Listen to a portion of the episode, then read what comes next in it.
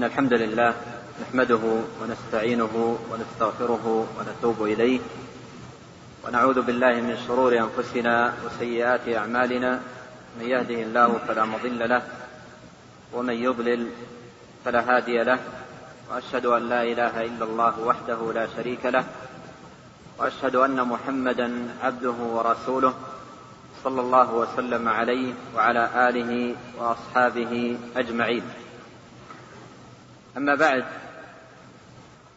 فقد كفاني أخي الفاضل محمد الرواجي حفظه الله وجزاه خيرا بهذه المقدمة الماتعة النافعة في الحث على طلب العلم وحفظ الوقت فيه وأن العلم أنفس شيء تصرف فيه الأوقات.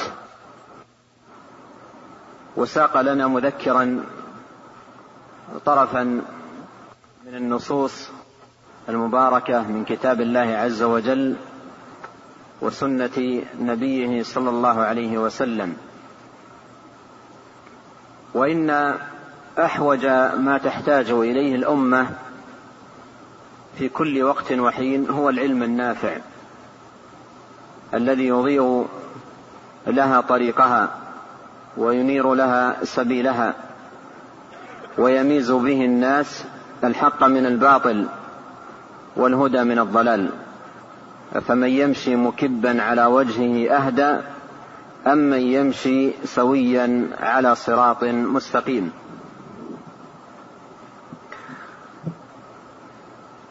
والعلم هو أهم هدف للمسلم في كل يوم من أيامه بل هو الهدف المقدم. الهدف المقدم للمسلم في كل يوم من أيامه هو العلم النافع.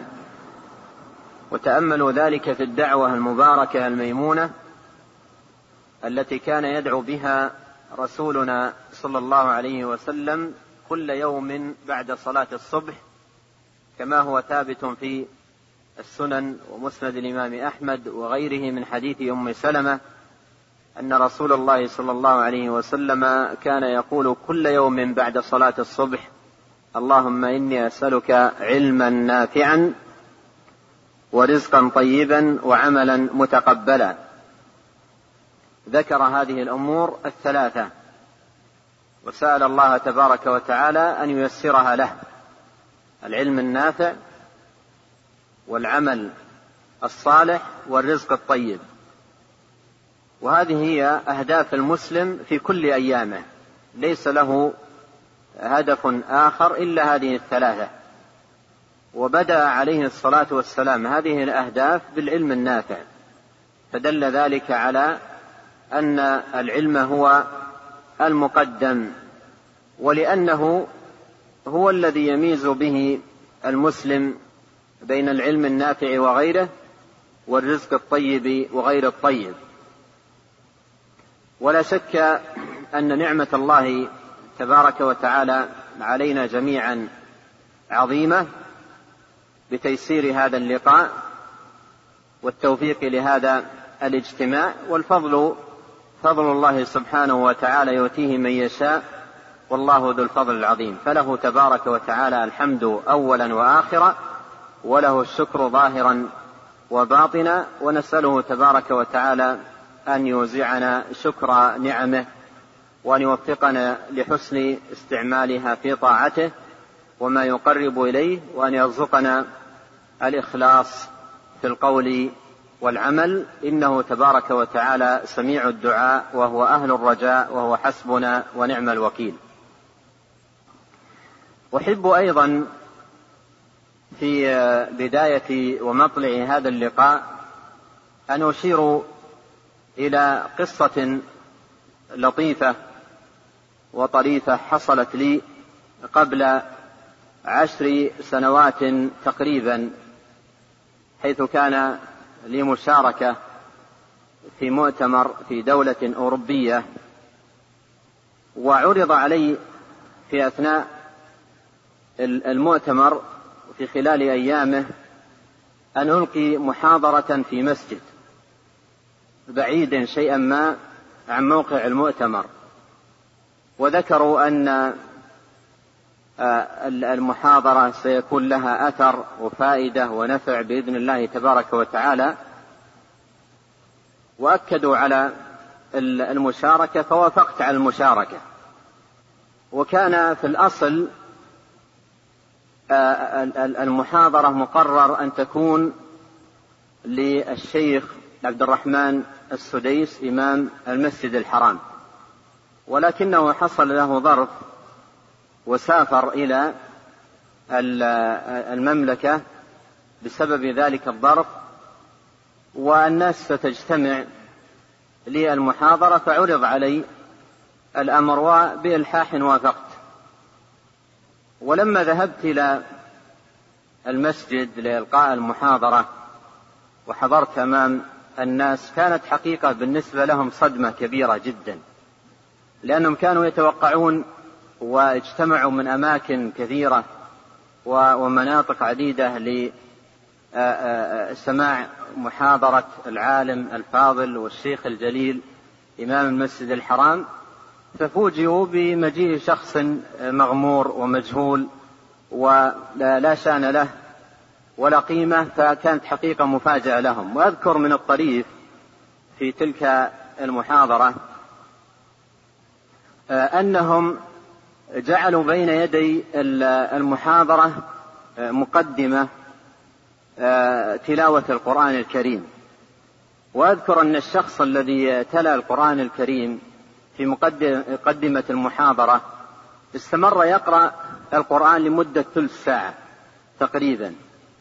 ولا أدري تحديدا ما هو يعني سبب الإطالة لكنني توقعت أن هذا نوع من إدخال الطمأنينة على الناس وإراحة قلوبهم شيئا ما من الصدمة التي حصلت لهم وعلى خلاف ما كانوا يتوقعونه. وما حدث اليوم هو كما حدث البارحة. الإخوة حقيقة اجتمعوا في هذا الصباح الباكر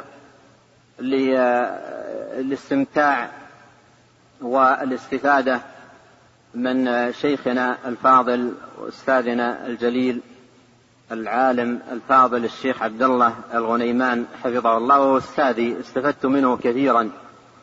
وله فضل علي بعد الله عز وجل درست عليه وسألته سؤالات كثيرة في العقيدة وناقشني في رسالتين علميتين وكنت دائما أستفيد منه وأطرح عليه الأسئلة وحل لي إشكالات كثيرة جدا. فأسأل الله جل وعلا أن يثيبه أعظم الثواب وأن يجزيه خير الجزاء. فعلى كل حال الإخوة كان اجتماعهم لحضور درس الشيخ وأعرف أن هذه صدمة وأذكرهم بالإسترجاع إنا لله وإنا إليه راجعون. فهذه مناسب أن تقال ولكن مع ذلك نسأل الله جل وعلا أن يكتب لنا في هذا اللقاء الخير والنفع والفائدة وأن يهيئ لنا من أمرنا رشدا وأن يرزقنا العلم النافع والعمل الصالح. إنه تبارك وتعالى سميع مجيب. موضوع الدرس هو شرح كتاب شرح السنة للإمام المزني رحمه الله. تلميذ الإمام الشافعي.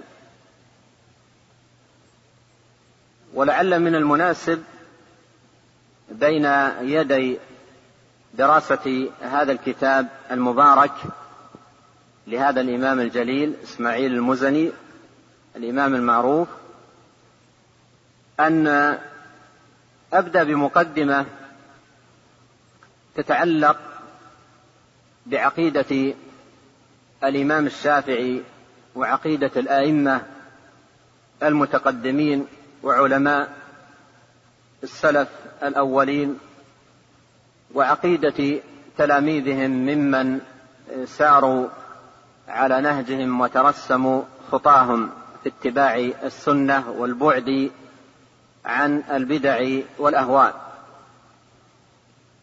والإمام الشافعي رحمه الله إمام كبير.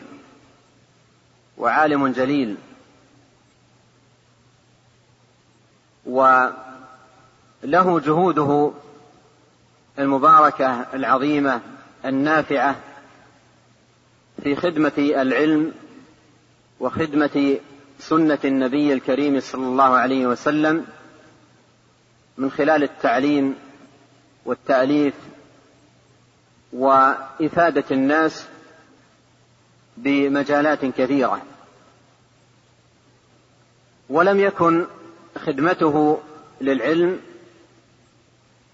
أمرا مقتصرا على بيان الأحكام والفروع كما يظنه بعض الناس. بل كان رحمه الله منتدبا لبيان الدين كله أصوله وفروعه. وأبلى بلاء حسنا وجاهد جهادا كبيرا في خدمة الدين اصوله وفروعه. وكان في عصره بدايات لبدع المتكلمين وبدع المتصوفة فكان رحمه الله حربا على تلك البدع وعلى تلك الأهواء وعلى أهلها. ناصرا للدين مبينا للسنة رادا للبدعة متى وجدت. وله جهود كبيرة وواسعة جدا في هذا المجال. قد جمع أخونا الشيخ محمد العقيل رسالة علمية نافعة في منهج الإمام الشافعي رحمه الله في العقيدة وأورد فيها نصوص حافلة ومفيدة جدا في ذكر جهود هذا الإمام رحمه الله في بيان العقيدة. وصدر مؤخرا رسالة صغيرة صغيرة الحجم للعلامة البرزنجي صاحب كتاب الإشاعة فيما جاء في أشراط الساعة وهو من علماء الشافعية. صدر له رسالة بعنوان عقيدة الشافعي. وهي رسالة قيمة. جمع فيها آثار كثيرة وأقوال عديدة للإمام الشافعي رحمه الله المبينة لعقيدته. وهي رسالة قيمة جدا وحافلة بالنقول المفيدة وتصلح أن تكون متن يقرأ ويدرس ويستفاد من تلك الآثار العظيمة المباركة لهذا الإمام. والإمام الشافعي رحمه الله في العقيدة طريقته طريقة أهل السنة والجماعة سواء بسواء. فهم ينهلون من منبع واحد ويرتوون من عين واحدة من كتاب الله وسنة رسوله صلوات الله وسلامه عليه. ولهذا المتون والكتب والمؤلفات والأقاويل التي للشافعي ولغيره من أئمة السلف كالإمام أحمد ومالك آه، رحمه الله وكذلك أبي حنيفة رحمه الله والأوزاعي والثوري وسفيان بن عيينة وغيرهم من أئمة المسلمين تجد أن أقاويلهم في العقيدة واحدة. حتى قال أبو, أبو المظفر السمعاني رحمه الله وهو من علماء الشافعية قال إذا نظرت إلى كتبهم المؤلفة في العقيدة ووصول الدين تجدها مع اختلاف الزمان وتباعد البلدان واختلاف الألسن تجدها على عقيدة واحدة وكأنها خرجت من قلب واحد لماذا؟ لأن الكل أخذ من من منبع واحد أما من كان مصدره في العقيدة مصدر آخر غير الكتاب والسنة فأولئك الذين يوجد عندهم الاختلاف الكبير. ولو كان من عند غير الله لوجدوا فيه اختلافا كثيرا. حتى من يحددون لعقيدتهم مصدرا واحدا معينا كالعقل مثلا هم ليسوا على عقيدة رجل واحد لأن العقول متفاوتة والآراء متباينة ومن هنا تجد الاختلاف العريض بين الفرق. أما أهل السنة فما يكتبونه في هذا الزمان وما يكتب وما كتب في الأزمنة المتقدمة وفي كل بلد هو حقيقة آه، متن واحد. وهذا المتن الذي عندنا الآن وبين أيدينا للإمام الأوزاعي تلميذ الشافعي إذا قرأته أو قرأت متنا آخر للإمام أحمد أو لشيخ الإسلام بن تيمية فيما بعد أو لشيخ الإسلام محمد بن عبد الوهاب بعدهم أو أيضا لعالم معاصر على نفس الطريقة أو على نفس النهج نهج أهل السنة والجماعة تجد أنها عقيدة واحدة لا لم تتغير ولم تختلف. هذه عقيدة الشافعي رحمه الله وعقيدة وهي عقيدة الشافعية. الذين ساروا على نهج هذا الإمام وترسموا خطاه وباعدوا واجتنبوا البدع والأهواء. ومن المعلوم أنه هناك بدع حدثت قديما ابتلي بها بعض الناس. أشهرها بدعتان بدعة المتكلمين وبدعة المتصوفة. تلك تصر تلك تحرف الإنسان في علومه وهذه تحرف الإنسان في في سلوكه. وهما من أخطر ما يكون على الناس في علومهم وفي عباداتهم. والإمام الشافعي رحمه الله وغيره من أئمة الدين كانوا حربا لتلك البدع ومن أشد الناس نهيا عنها. بل إن نقول عن الإمام الشافعي رحمه الله في إنكار بدعة المتكلمين من أقوى ما يكون. و وكان وجاء عنه في هذا نقول كثيرة جدا حتى إنه قال حكمي في هؤلاء أن يضربوا بالجريد وأن يطاف بهم بين العشائر ويقال هذا جزاء من ترك الكتاب والسنة.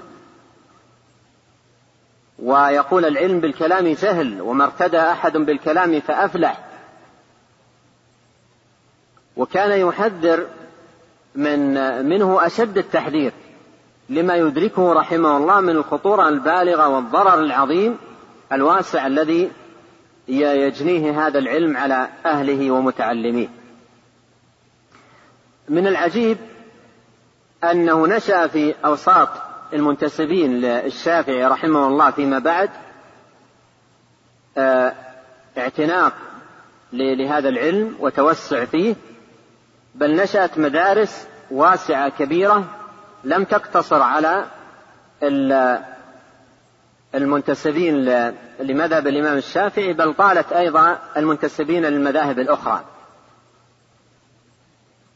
عندما نشأت بدعة ابن كلاب وهو من علماء الشافعية ثم تلميذه أبي الحسن الأشعري وهو من علماء الشافعية ثم تلاميذهم من بعد ومن تأثروا بهم الجويني والغزالي و و و وآخرون وهم من علماء الشافعية. فترتب على ذلك نشوء مدارس مدارس كلامية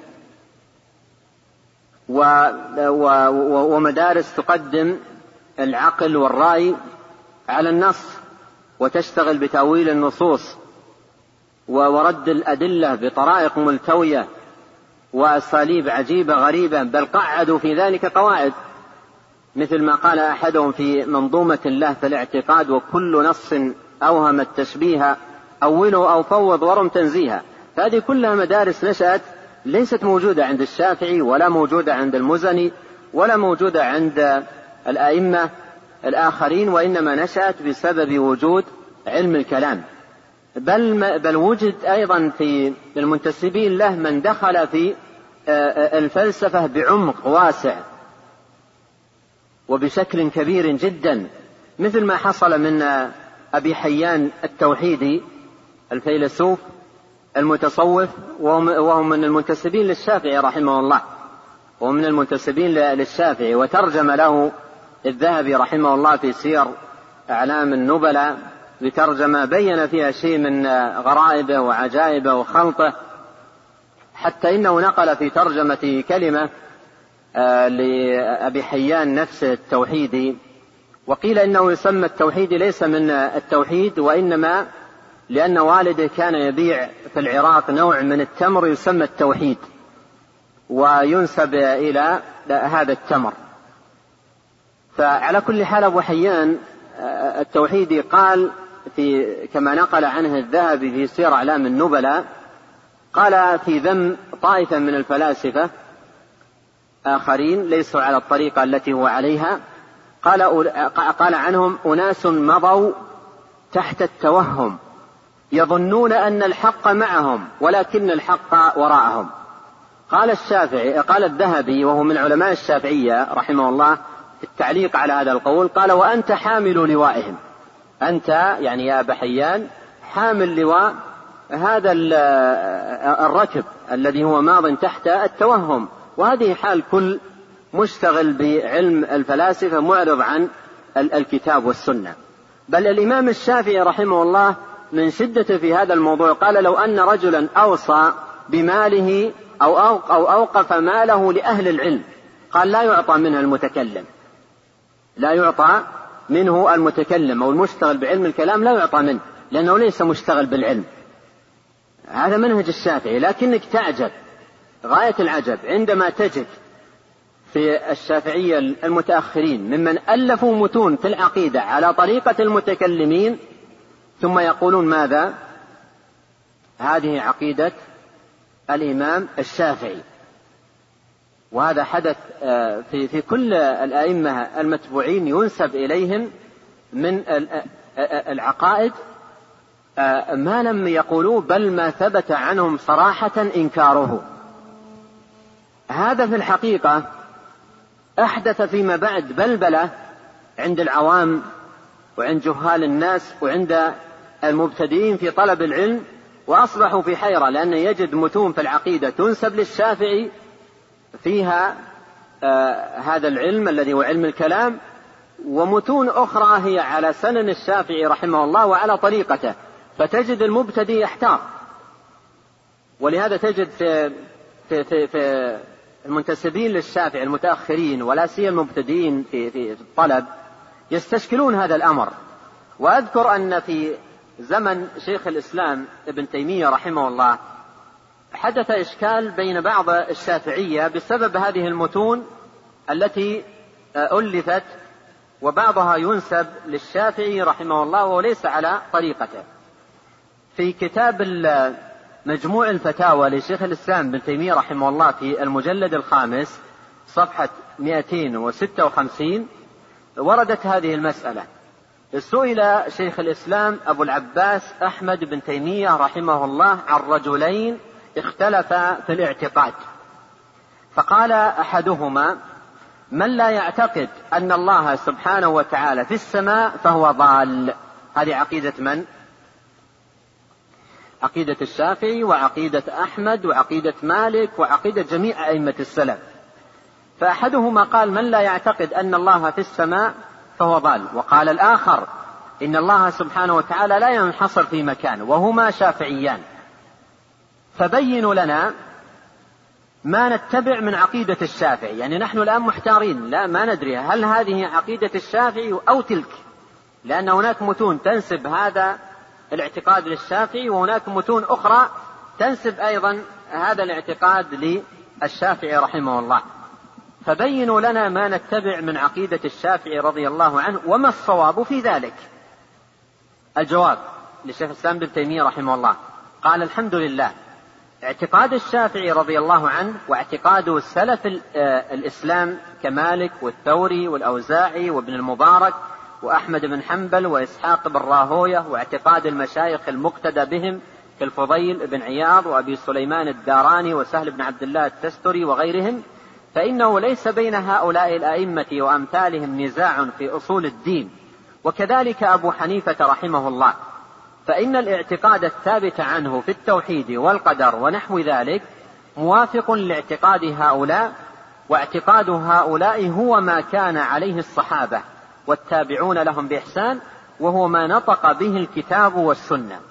ثم ذكر رحمه الله كلاما للشافعي وأحمد ومالك في الاعتقاد ثم قال ومن يتكلم في الله وأسمائه وصفاته بما يخالف الكتاب والسنة فهو من الخائضين في آيات الله بالباطل. وكثير من هؤلاء وانتبهوا لهذه النقطة وسأورد لكم فيها نقولا أخرى لأهميتها. يقول ابن تيمية وكثير من هؤلاء ينسب إلى أئمة المسلمين ما لم يقولوه فينسبون إلى الشافعي وأحمد بن حنبل ومالك وأبي حنيفة من الاعتقاد ما لم يقولوا ويقولون لمن اتبعهم هذا اعتقاد الإمام الفلاني؟ ويقولون لمن اتبعهم هذا اعتقاد الإمام الفلاني. فإذا طولبوا بالنقل الصحيح عن الأئمة تبين كذبهم. وهنا أعطاك شيخ الإسلام بن تيمية رحمه الله قاعدة تستفيد منها وتنشرها. الذي ينسب إلى الإمام الشافعي قولا ما يطالب بماذا؟ بالدليل المثبت لصحة نسبة هذا القول للشافعي من المصادر المعتمدة سواء من كتبه هو رحمه الله أو من كتب أئمة السلف التي تروي بالأسانيد أقاويل هؤلاء الأئمة. أيضا يقول شيخ الإسلام بن تيمية في كتابه الاستقامة المجلد الأول صفحة خمسة عشر الشافعي من أعظم الناس ذما لأهل الكلام ولأهل التغيير يعني المتصوفة.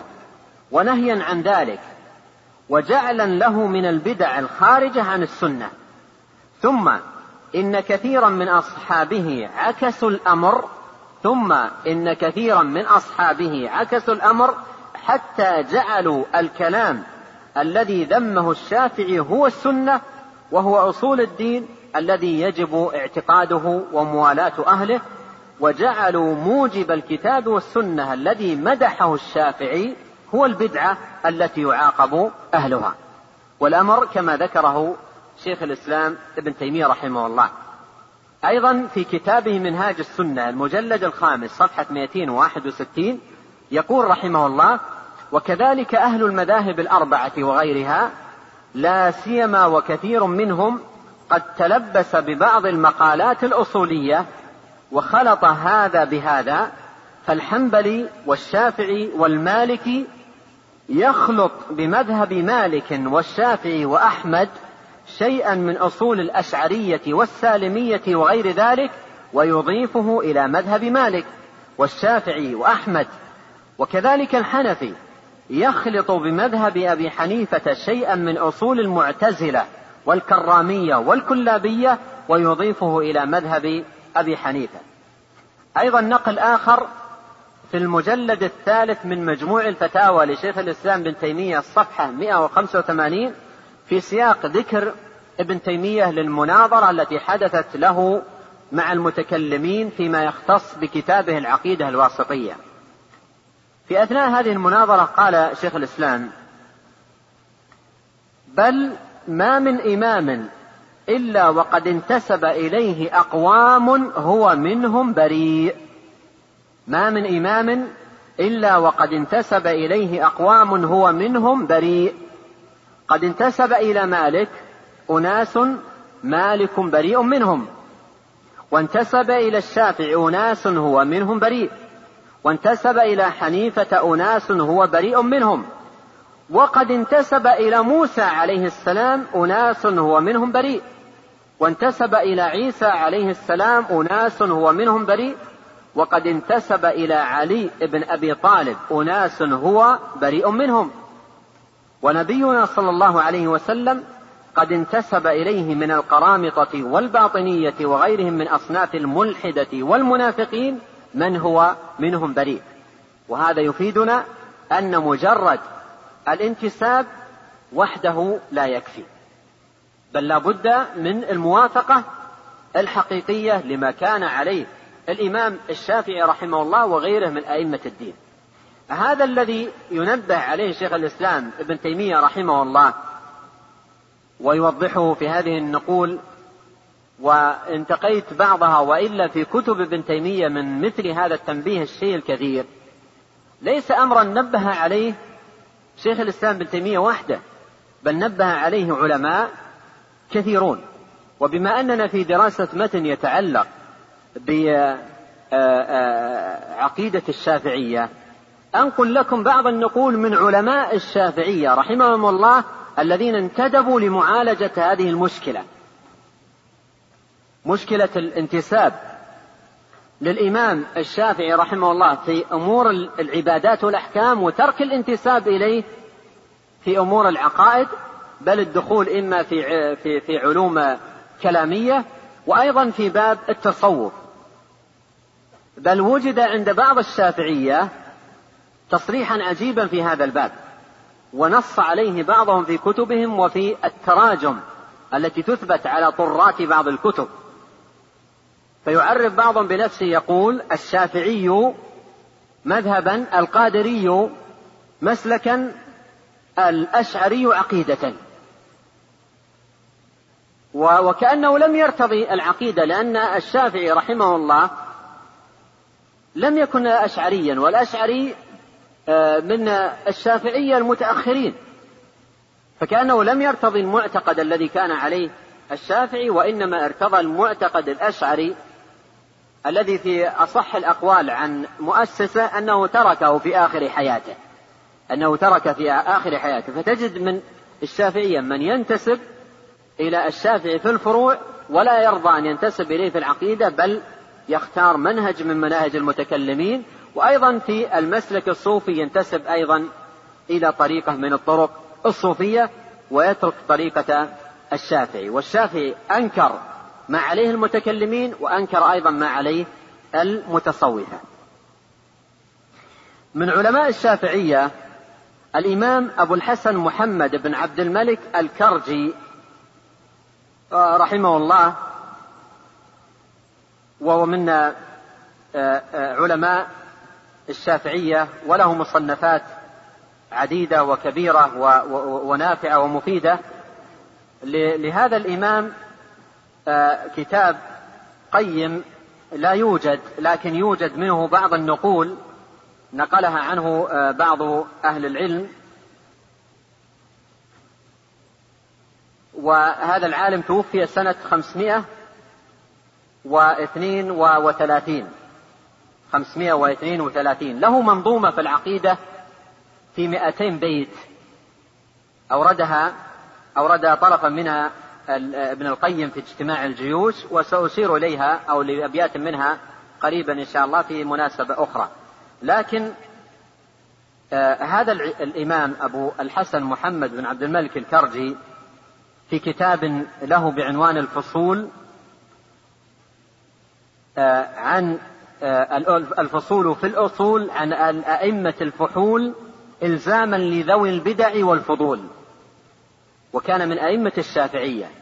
ذكر في هذا الكتاب والنقل هنا عن نقض المنطق لشيخ الإسلام صفحة 144 يقول ذكر فيه من كلام الشافعي ومالك والثوري وأحمد بن حنبل والبخاري صاحب الصحيح وسفيان بن عيينة وعبد الله بن مبارك والأوزاعي والليث بن سعد وإسحاق بن راهوية وأبي زرعة وأبي حاتم في أصول السنة ما يعرف به اعتقادهم. وذكر في كتابه هذا تراجمهم. مما فيه تنبيه على مراتبهم ومكانتهم في الإسلام. وذكر أنه اقتصر في النقل عن هؤلاء دون غيرهم لأنهم المقتدى بهم. وذكر كلاما يتعلق بفضل هؤلاء ثم ذكر وجها آخر في سبب اقتصاره على هؤلاء وعدم نقله عن المتأخرين ممن وجدوا بعد وكتبوا متونا في العقيدة. فذكر وجها ثالث ما هو؟ تأمل كلام رائع جدا.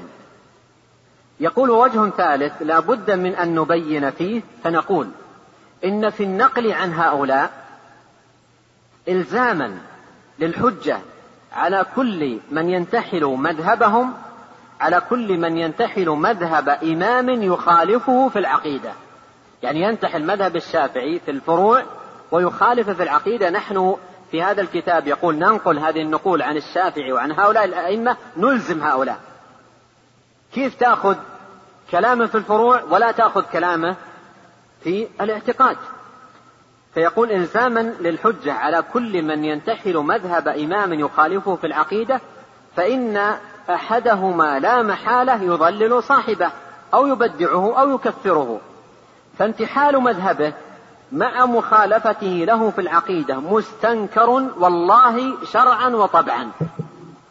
فمن قال أنا شافعي الشرع أشعري الاعتقاد قلنا له هذا من الأضداد. قلنا له هذا من الأضداد لا بل من الارتداد.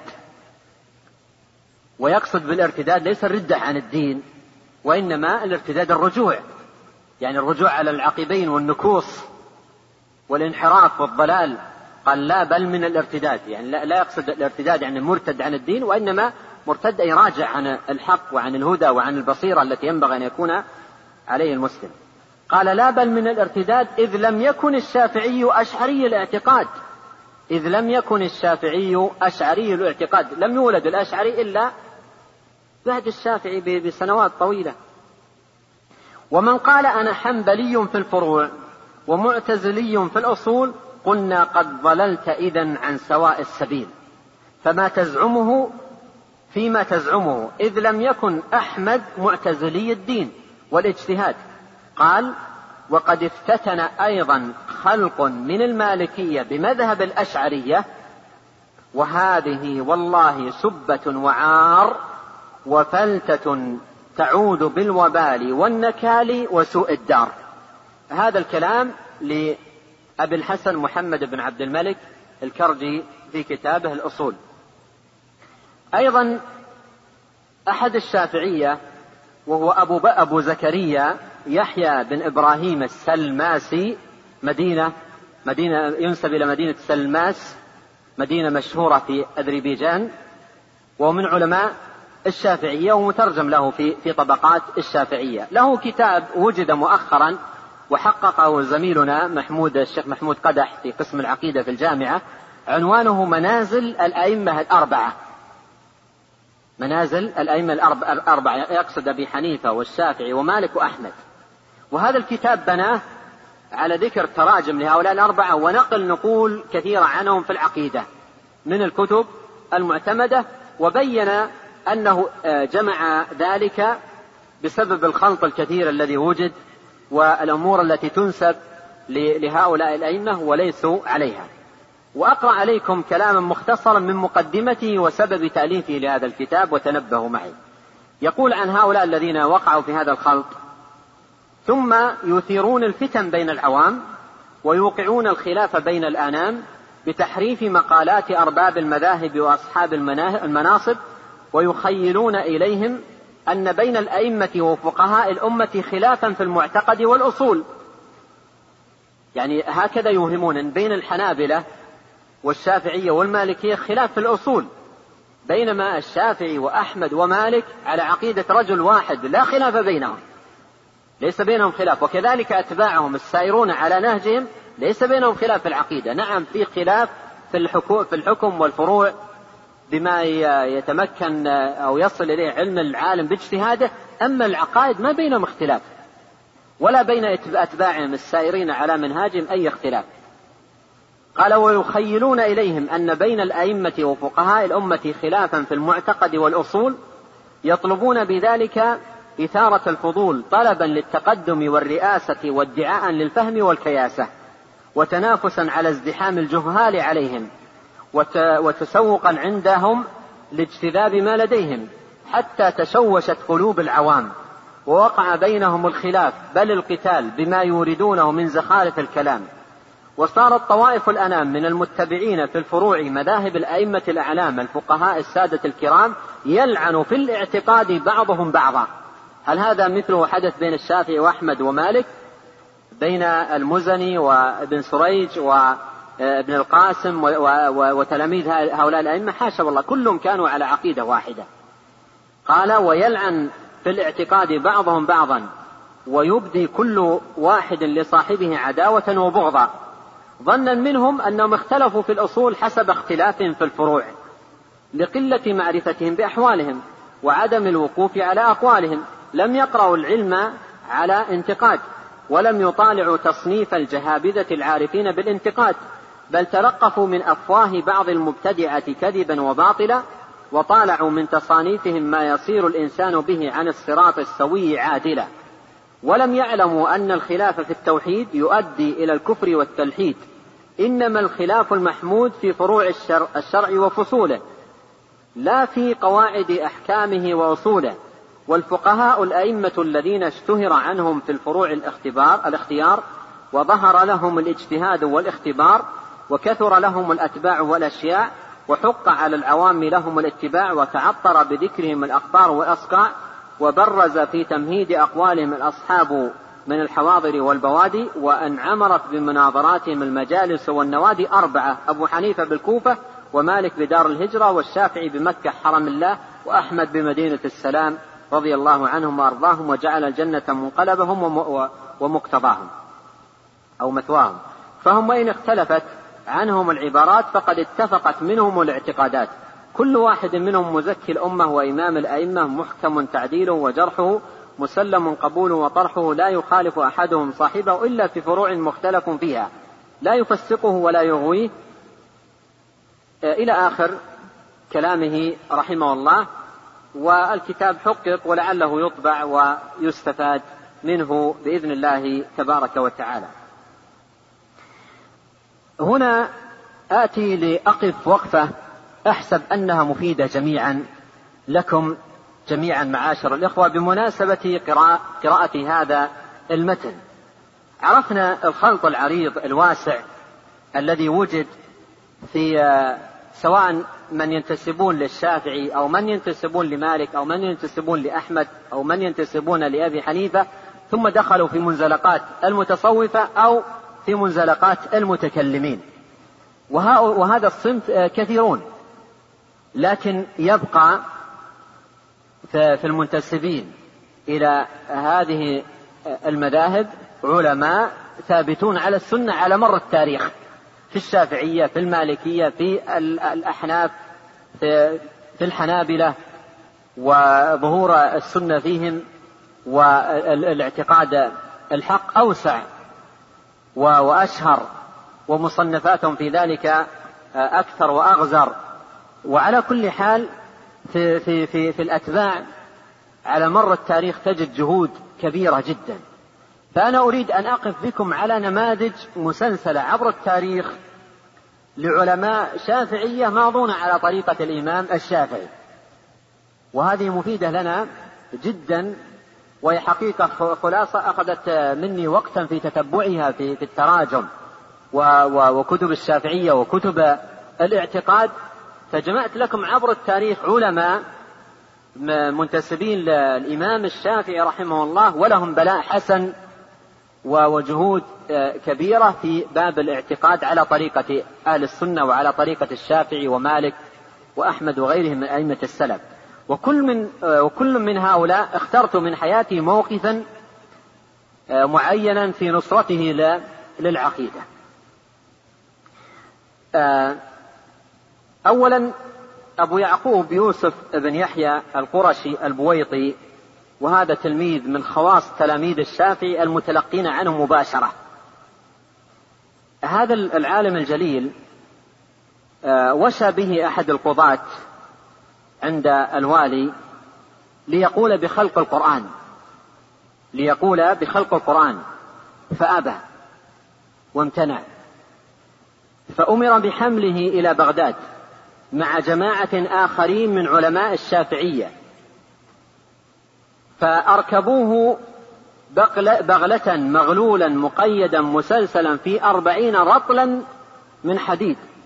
ويريدون بذلك منه القول بخلق القرآن ويأبى فحبسوه ببغداد على تلك الحالة يعني وهو مقيد. وكان في كل جمعة وانظر هذا الموقف العجيب وكان في كل جمعة إذا سمع النداء وهو داخل السجن يتوضأ ويتهيأ ويتجهز ويمشي إلى الباب كل جمعة ويمشي إلى باب السجن. فيقول السجان إلى أين؟ والرايح إلى أين؟ فيقول أجيب داعي الله. أجيب داعي الله. فيقول له السجان ارجع رحمك الله. فيقول إنني أجبت دعوتك ربي فمنعوني. واستمر على ذلك في كل جمعة ومات في السجن رحمه الله ممتنعا من القول بخلق القرآن. ف وهذا في موجود في ترجمته في كتب الطبقات طبقات الشافعية في أكثر من كتاب. ف وهذا في موجود في ترجمته في كتب الطبقات طبقات الشافعية في أكثر من كتاب. الثاني إسماعيل بن يحيى المزني مؤلف هذا المصنف وهو متوفى سنة 264 وسيأتي حديث عنه فيما بعد إن شاء الله. ثم الإمام أحمد بن عمر بن سريج المتوفى سنة 306 الملقب بالباز الأشهب وكان بعضهم يفضله على بعض أصحاب الشافعي. له رسالة قيمة في السنة نقلها ابن القيم رحمه الله في اجتماع الجيوش. ثم الإمام ابن خزيمة صاحب كتاب التوحيد المتوفى سنة 312 أخذ الفقه عن المزني. أخذ الفقه عن المزني. وقال المزني رحمه الله ابن خزيمة أعلم مني بالحديث. ثم أبو منصور محمد بن أحمد الأزهري المتوفى سنة 370 صاحب تهذيب اللغة. وهذا إمام جليل وكتابه في تهذيب اللغة كتاب معروف يقع في ستة عشر مجلدا ومطبوع. وكنت قبل وقت اقترحت على أحد طلاب العلم في الجامعة أن يكتب رسالة علمية في عقيدة الأزهري. فاستجاب وكتب مجلدا ونوقش في الجامعة الإسلامية رسالة علمية بعنوان عقيدة الإمام الأزهري أو منهج الإمام الأزهري في العقيدة. فهو عالم وإمام من أئمة اللغة. وكنت آه، قديما أسمع من مشايخنا ومنهم الشيخ عبد الله الغنيمان الحث على الاستفادة من كتابه تهذيب اللغة لأنه لم يدخل عليه ما دخل على آه، علماء اللغة الآخرين من رواتب علم آه، الكلام ومخلفاته. ثم أبو بكر الإسماعيلي المتوفى سنة 371 صاحب كتاب اعتقاد أئمة الحديث وهو مطبوع أكثر من طبعة. ثم أبو حامد الإسفرايني المتوفى سنة 406 إمام الشافعية في وقته. هذا الإمام رحمه الله له موقف عجيب في الرد على الأشاعرة. واسمعوا إلى موقفه. نقله ابن تيمية في شرح العقيدة الإصفهانية صفحة 35 نقلا عن أبي الحسن محمد بن عبد الملك الكرخي الشافعي صاحب كتاب الفصول. في الأصول عن الأئمة الفحول. قال أي الكرخي وكان الشيخ أبو حامد أي الإسرائيلي شديد الإنكار على الباقلاني وأصحاب الكلام. قال ولم تزل الأئمة الشافعية يأنفون ويستنكفون أن ينتسبوا إلى الأشعري. هذا كلام الكرخي. يقول لم يزل الأئمة الشافعية يأنفون ويستنكفون أن ينتسبوا إلى الأشعري. ويتبرؤون مما بنى مذهبه عليه وينهون أصحابهم وأحبابهم من الحوم حواليه. على ما سمعت عدة من المشايخ والأئمة منهم الحافظ المؤتمن ابن أحمد الساجي يقولون سمعنا جماعة من المشايخ الثقات قالوا كان الشيخ أبو حامد أحمد بن طاهر الإسرائيلي إمام الأئمة الذي طبق الأرض علما وأصحابا إذا سعى إلى الجمعة من قطيعة الكرخ إلى الجامع المنصور يدخل الرباط المعروف بالمروزي المحاذي للجامع ويقبل على من حضر ويقول اشهدوا هذا كل جمعة يقوله أبو حامد الإسرائيلي يقول اشهدوا علي بأن القرآن كلام الله غير مخلوق كما قال أحمد بن حنبل لا كما يقول الباقلاني. كل جمعة يصرح بهذه الكلمة ويصدع بها. ويتكرر ذلك منه. فقيل له في ذلك يعني أنت كل جمعة تقول هذه الكلمة لماذا؟ فقال حتى ينتشر في الناس وفي أهل البلاد ويشيع الخبر في أهل البلاد أنني بريء مما هم عليه يعني الأشعرية. وبريء من مذهب أبي بكر الباقلاني فإن جماعة من المتفقهة الغرباء يدخلون على الباقلاني خفية ويقرؤون عليه فيعتنون بمذهبه فإذا رجعوا إلى بلادهم أظهروا بدعتهم لا محالة فيظن, فيظن الظان أنهم مني تعلموه. فيظن الظان أنهم مني تعلموه وأنا قلته وأنا بريء من مذهب الباقلاني وعقيدته.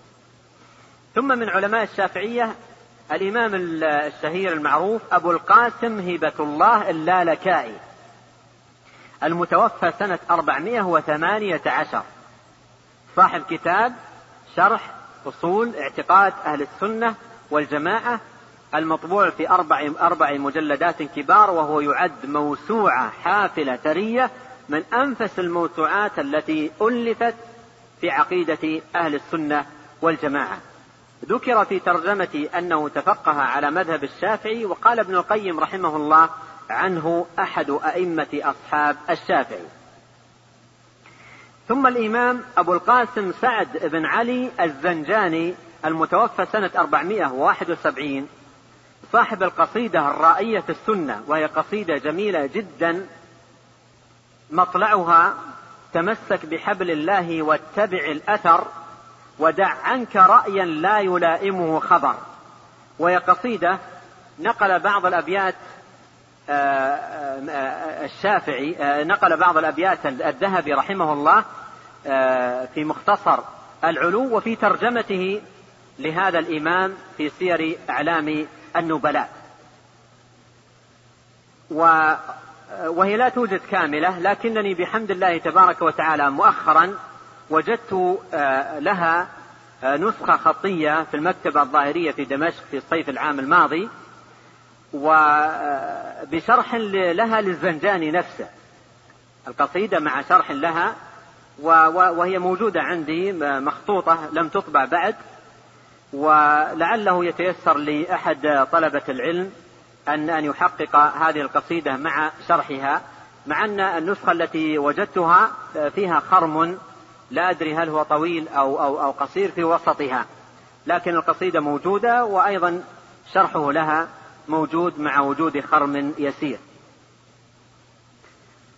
ثم الإمام أبو المظفر السمعاني صاحب الانتصار لأصحاب الحديث صاحب الانتصار لأصحاب الحديث وهذا الكتاب كتاب ثمين جدا وجاء عنه نقول عديدة في كتاب الحجة للتيمي ومن تلاميذه وأيضا جاء عنه نقول في كتب ابن تيمية وكتب ابن القيم والذهبي وغيرهم من أهل العلم لكن الكتاب مفقود وهناك محاولة قام بها الشيخ محمد بن حسين الجيزاني محاولة لجمع هذا الكتاب من الكتب المتفرقة وطبع بهذا العنوان الانتصار لأصحاب الحديث لأبو المظفر السمعاني. وله نقول جميلة جدا في الاعتقاد يوجد كثير منها في كتاب تلميذه قوام السنة التيمي.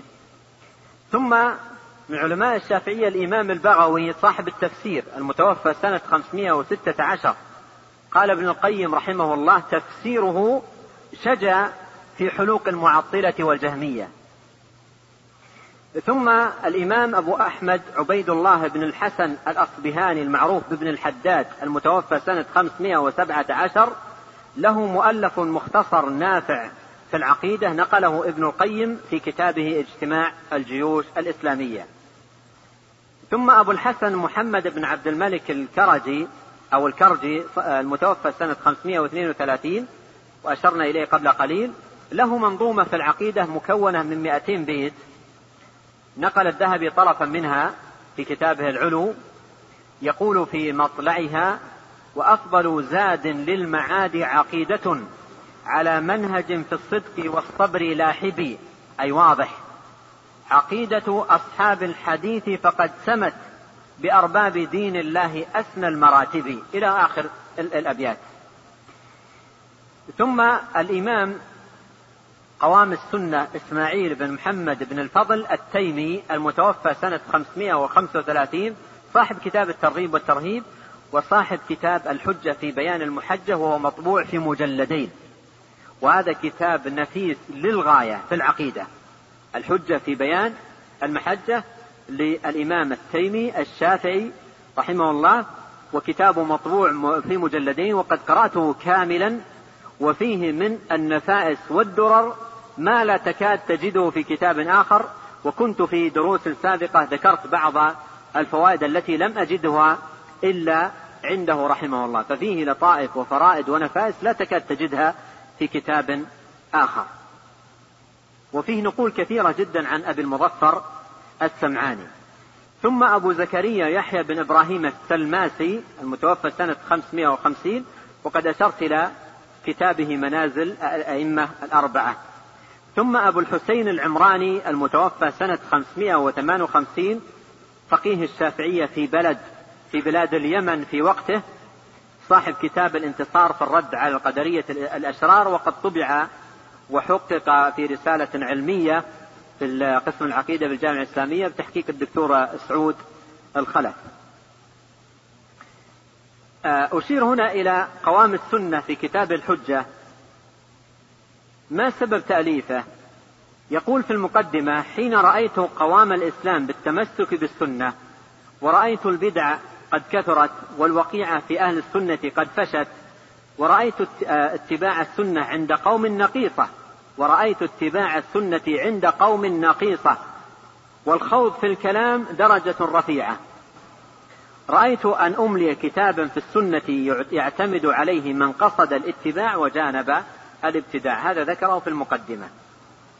أيضا من علماء الشافعية مجد الدين أبو الفضل يوسف بن محمد الكاتب الدمشقي الشافعي المتوفى سنة 685 له قصيدة في السنة جميلة. يقول فيها تعالى الإله الواحد الصمد الفرد له علم ما, يخ ما يخفى من العبد أو يبدو هو الأول المبدي فليس له ند هو الآخر المغني له القبل والبعد. إله برأنا ليس نعبد غيره وحق بار الخلق أن يعبد العبد. إلى آخر القصيدة وهي منشورة ضمن مجموع جيد ومفيد للشيخ عبد الله البصيري بعنوان قصائد مختارة في العقيدة لعلماء أهل السنة والجماعة. وهذه القصيدة آه، آه، أثبتها من نسخة خطية ظفر بها وفقه الله وشفاه وعافاه. ثم الشيخ عبد القاهر بن عبد الواحد التبريزي المتوفى سنة 740 وهذا من شيوخ الذهبي. والذهبي رحمه الله له معجم الشيوخ ذكر فيه الشيوخ طبع في مجلدين ففي ترجمة التبريزي هذا شيخ الشافعي آه، نقل عنه الشيخ آه، عفوا الذهبي نقل عنه الذهبي رحمه الله قصيدة رائعة جدا وجميلة وحلوة في العقيدة في تقريبا في أكثر من عشرين بيت. يقول الذهبي في معجم الشيوخ المجلد الأول صفحة 409 أنشأ خطبا يعني التبريزي بديعة وله نظم رائق وشكل مهيب. أنشدنا, أنشدنا لنفسه وذكر له أبيات رائعة وجميلة. أسمعكم إياها كاملة. أبيات حلوة جدا من أجمل ما يكون وهي آه، يعني آه، طريقتها التربيع. ومعروف هذا في الشعر التربيع والتثليث والتخميس. آه، يقول هذا العالم في قصيدته الجميلة يقول كم, كم بين بان الأجرع ورامة ولعلع من قلب صب موجع سكران وجد لا يعي. تراه ما بين الحلل جريح أسياف المقل فارفق به ولا تسل عن قلبه المضيع. ود الحمى فأخلص إذ حقه قد حصحص فوده أن يخلص من الحضيض الأوضع. إلى المقام الأول ومعهد الأنس الحلي والمربع السامي العلي سقيا له من مربعي. رحلت عن ذاك الفضا لا باختياري والرضا فيا, زيا فيا زمانا قد مضى إن عاد ماض فارجعي. واركع إذا الليل دجا ركوع خوف ورجا وعدي في سفن وعدي في سفن النجا إلى الفضاء الأوسع. عليك بالتهجد وقم طويلا واسجدي وبت نديم الفرقد واشرب كؤوس الأدمع. قف عند حكم المصحف من غير ما تحري قف عند حكم المصحف من غير ما تحرفي ولا تخض وقعت في أقوال أهل البدع. فإنه كلامه أعيا الورى نظامه وباهرت أحكامه الغر جميع الشيع. منه كما جاء بدا فكن به معتضدا ولا تجادل أحد في آية وارتدعي ولا تؤول ما ورد. لله من سمع ويد وقل هو الله أحد قول امرئ متبع وإنه عز وجل كلم موسى ذا الوجل لما تجلى للجبل جهرا كلاما مسمع أصغى إليه فوعى بأذنه ما سمع ثم أجاب مسرعا جواب ثبت أروع أي موسى عليه السلام. ولا توافق من غوى وقل بأن ذا القوى أي الله. ولا توافق من من غوى. وقل بأن ذا القوى حقا على العرش استوى كما كما أراد فاسمعي. وهو تعالى في السماء. عال ومعنى أينما. يعني معكم أينما كنتم. وهو تعالى في السماء. عال ومعنى أينما. بغير كيف لا كما يخطر للمبتدع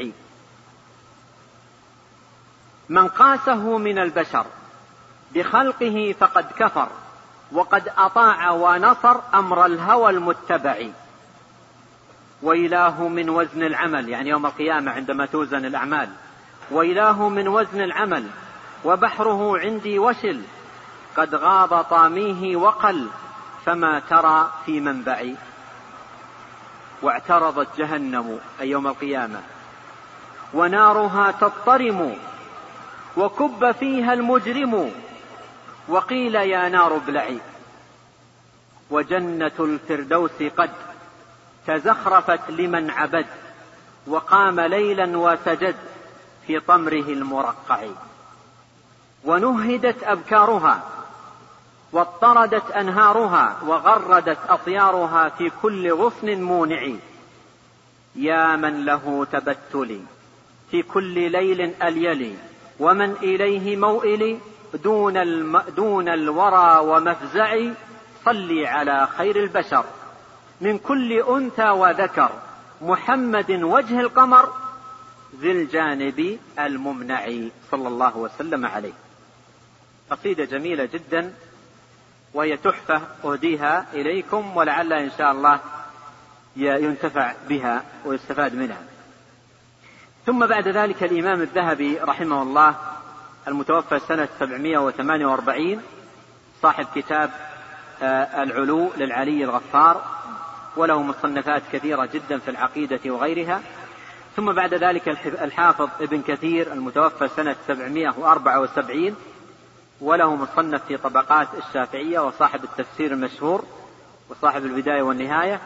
ثم الإمام أحمد بن علي المقريزي المصري المتوفى سنة 845 صاحب كتاب تجريد التوحيد المفيد.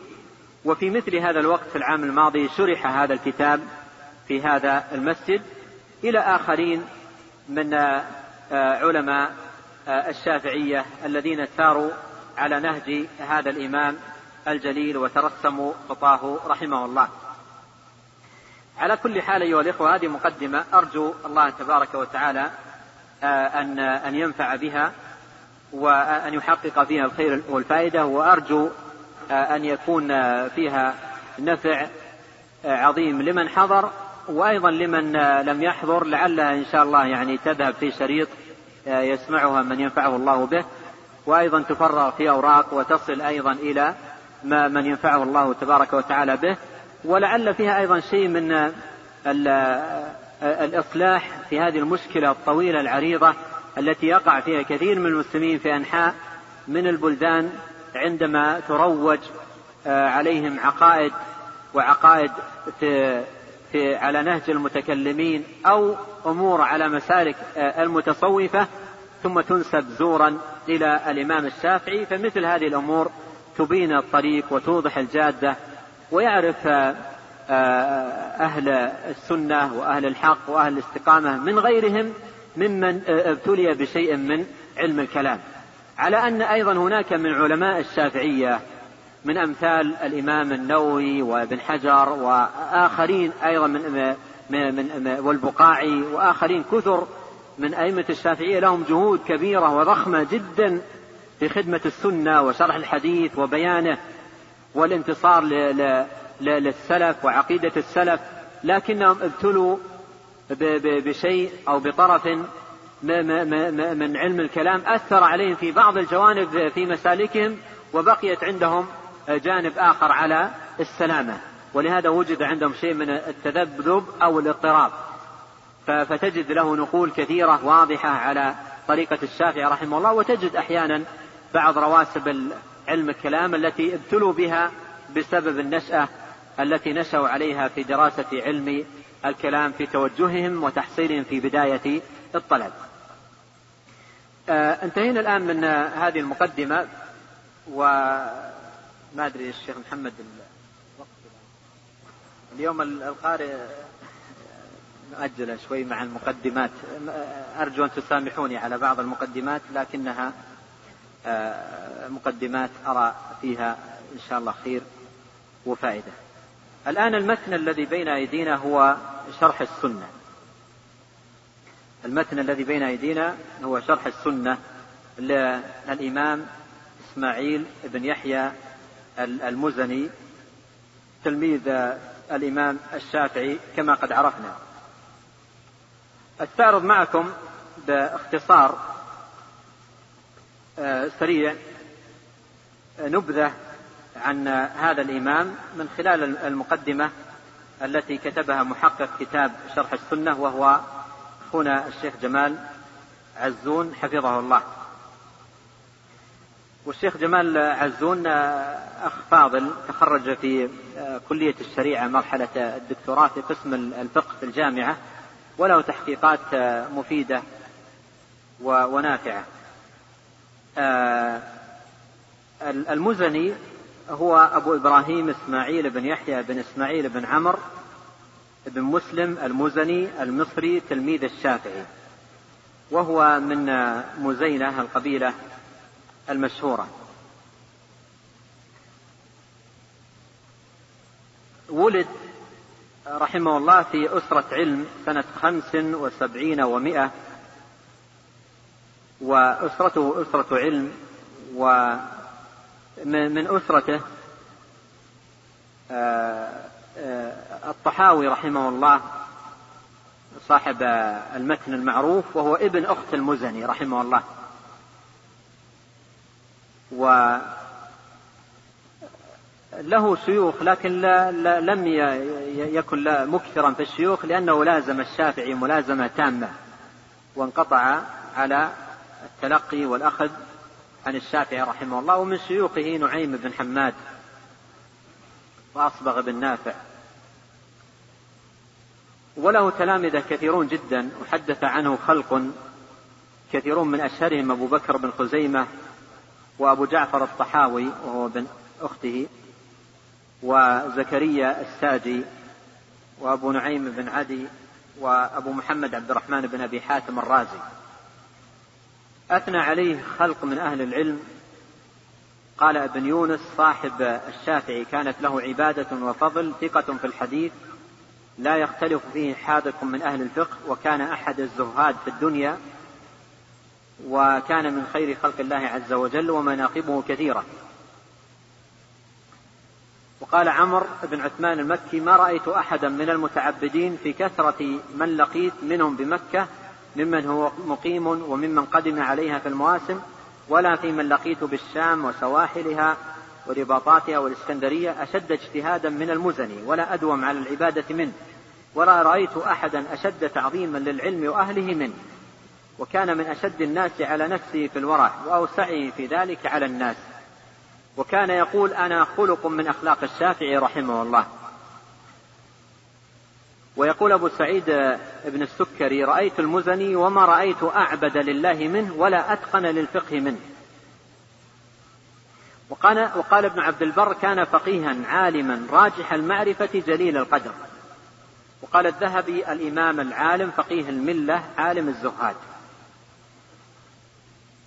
كان لهذا الإمام عناية فائقة جدا بالفقه يقول ابن الجوزي وكان فقيها حاذقا.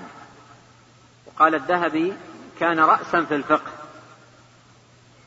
وقد كان توجه المزني إلى دراسة الفقه والتخصص فيه بنصيحة من شيخه الشافعي رحمه الله. فقد قال له يوما هل لك في علم؟ إن أصبت فيه أجرت وإن أخطأت لم تأتم. قلت أي المزني وما هو؟ قال الفقه. قال المزني فلزمته وتعلمت منه الفقه ودرست عليه. وقوله لم تأتم يعني أن الخطب في الفقه ليس كالخطب في العقيدة. إذا أخطأت في العقيدة إما شرك أو بدعة. لكن الخطأ في في الفقه إذا كان عن الاجتهاد فيكون إن لم يصب الحق يكون في قول مرجوح على خلاف الدليل. وكان قويا في المناظرة. كان قويا في المناظرة وقوي الحجة والعارضة. وأثنى عليه شيخه الشافعي بذلك. وكانت له عبادة وخوف ومراقبة لله سبحانه وتعالى وأثنى عليه مترجمون بالورع.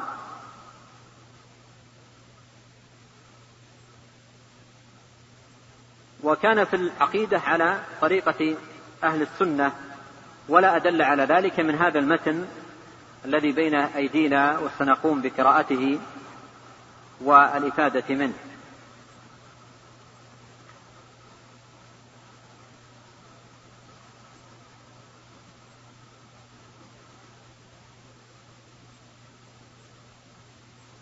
كان كما تقدم ملازما للشافعي والشافعي محب له وبينهما علاقة وطيدة. يقول المزني كنت أمشي مع الشافعي فأخذ بيدي يوم من الأيام وانظر الشيخ وتلميذه يقول فأخذ بيدي فقال أي الشافعي أحب من الإخوان من كان مواتي وكل غضيض الطرف عن عثراتي يصاحبني في كل أمر أحبه ويحفظني حيا وبعد مماتي فمن لي بهذا ليت أني أصبته فقاسمته مالي مع الحسنات يقول هذه الأبيات وماسك تلميذه المزني. من ملازمة العلم الشافعي. يقول المزني قرأت كتاب الرسالة للشافعي خمسمائة مرة. ما من مرة إلا واستفدت منها فائدة جليلة لم أستفدها في الأخرى. هناك وصية جميلة نقلها المحقق للشافعي أوصى بها تلميذه المزني من المناسب الوقوف عليها. من ثناء الشافعي المزني يقول الشافعي المزن المزني ناصر مذهبي. له مصنفات كثيرة منها أحكام القرآن الترغيب في العلم والجامع الكبير والمبسوط في الفروع وشرح السنة الذي بين أيدينا والمختصر الكبير والمختصر المختصر. وقد تعب المزني في تأليف هذا الكتاب الذي هو مختصر المختصر بحيث استغرق, استغرق في تأليفه عشرين سنة. يقول المزني كنت في تأليف هذا الكتاب عشرين سنة وألفته ثلاث مرات وغيرته.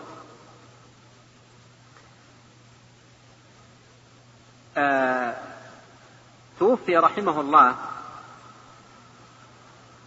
بمصر سنة أربع وستين ومائتين. هذا فيما يتعلق بمؤلف هذا المتن. أما المتن الذي بين أيدينا فهو من المتون المختصرة في عقيدة أهل السنة والجماعة.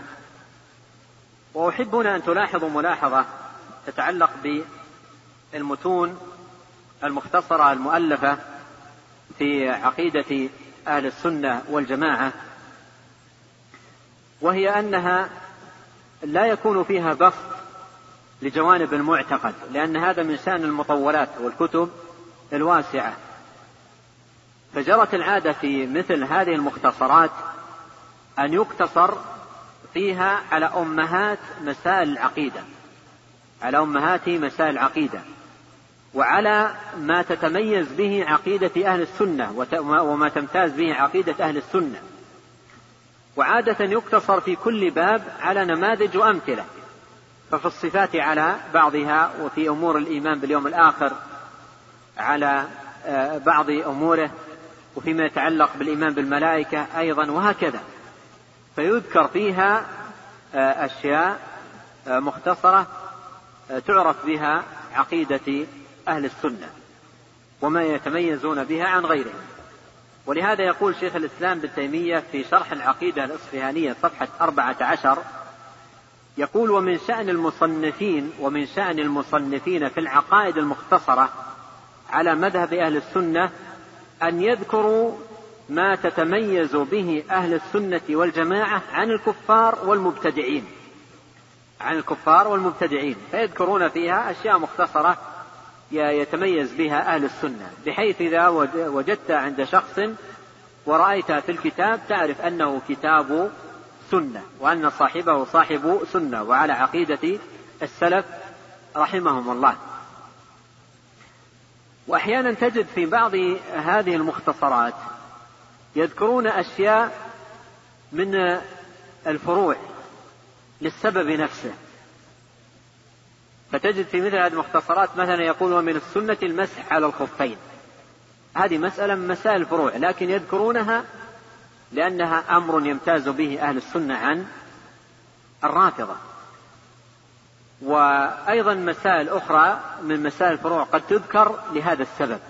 إذا جرت العادة في مثل هذه المختصرات أن يقتصر فيها على أمهات المسائل وعلى الأمور التي يمتاز بها أهل السنة عن غيرهم ممن دخلوا في أمور كلامية أو في علوم كلامية أو نحو ذلك. وهذا المتن للإمام المزني رحمه الله هو نظير المتون الكثيرة التي ألفت في هذا الباب. لا تجد فرقا بين هذا المتن وبين المتن الذي ألفه ابن أخته متن الطحاوية المتن المشهور للإمام الطحاوي وله شرح المشهور شرح ابن أبي العز رحمه الله. فلا تجد فرقا بينه وبين ما في الواسطية لشيخ الإسلام بن تيمية وما في أيضا مقدمة ابن أبي زيد القيرواني الماتعة النافعة فكلها متون تنطلق من من معين الكتاب والسنة فهي متطابقة ومتوافقة لا تجد بينها اختلاف وإنما الاختلاف يوجد في كتب المتكلمين.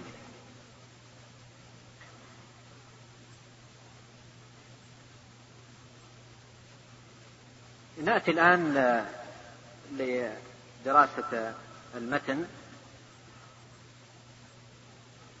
عنوان الكتاب شرح السنة.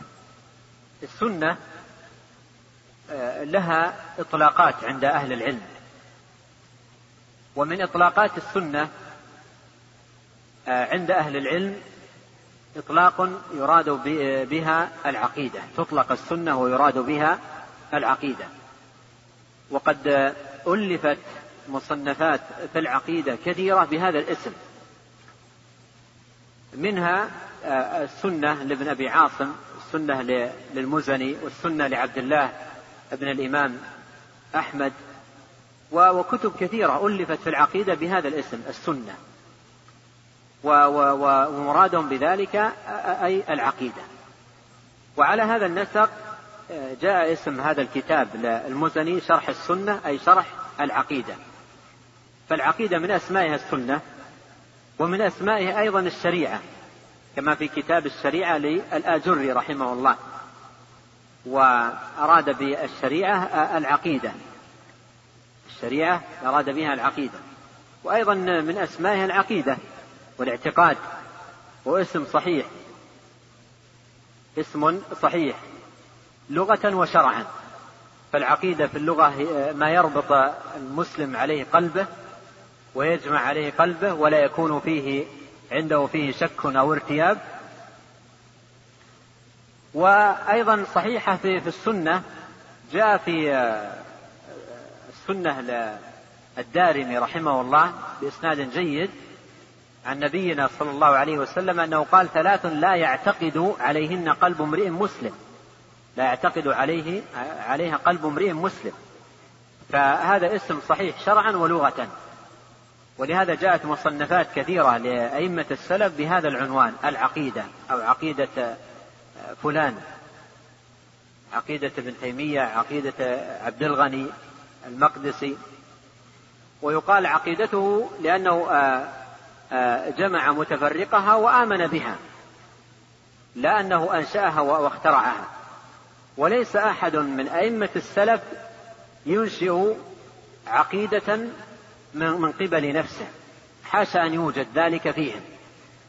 ولهذا لما طلب من شيخ الإسلام ابن تيمية رحمه الله كتابة العقيدة التي عرفت بالواسطية وطلبها طلب منه كتابتها عالم من واسط قال رحمة الله عليه الإعتقاد ليس لي ولا لمن هو أكبر مني. ليس الاعتقاد للإمام أحمد ولا غيره ولا لمن هو أكبر مني. الاعتقاد لله وللرسول. الاعتقاد ما جاء في القرآن وما جاء في صحيح البخاري وما جاء في صحيح مسلم وما جاء في السنن الأربعة هذا هو الاعتقاد. ولهذا لا يوجد أبدا في أئمة السلف من ينشئ عقيدة من قبل نفسه وإنما يكتبون عقيدة يستقونها ويأخذونها من كتاب الله وسنة رسوله صلى الله عليه وسلم. وقد جرت عادة الأئمة الأعلام في مصنفات العقيدة وهذا أمر مضطرد حتى في المنظومات التي تكتب في الاعتقاد أن تصدر بالمصدر الذي يميز عقيدة أهل السنة عن عقيدة من سواهم. فجرت العادة أن تصدر بذكر المصدر. فتجد العالم في مقدمة العقيدة يذكر منبع عقيدته. مثل ما مر معنا في أبيات الزنجاني تمسك بحبل الله واتبع الخبر. ومثله أبو بكر آه، بن أبي داود في حائيته قال تمسك بحبل الله واتبع الهدى. وهكذا جرت عادتهم يصدرون المصنفات والمنظومات في العقيدة بذكر المصدر. وهذا فيه أن ضبط المصدر وإتقانه والتعويل عليه هو الذي به تكون السلامة وتحقق المعتقد الصحيح بخلاف ما إذا كان للإنسان مصادر متنوعة ومشارب مختلفة. فإن هذا يترتب عليه فساد المعتقد والوقوع في الانحراف. وإذا نظرت في أرباب العقائد على غير نهج أهل السنة تجد لهم مصادر شتى في عقائدهم.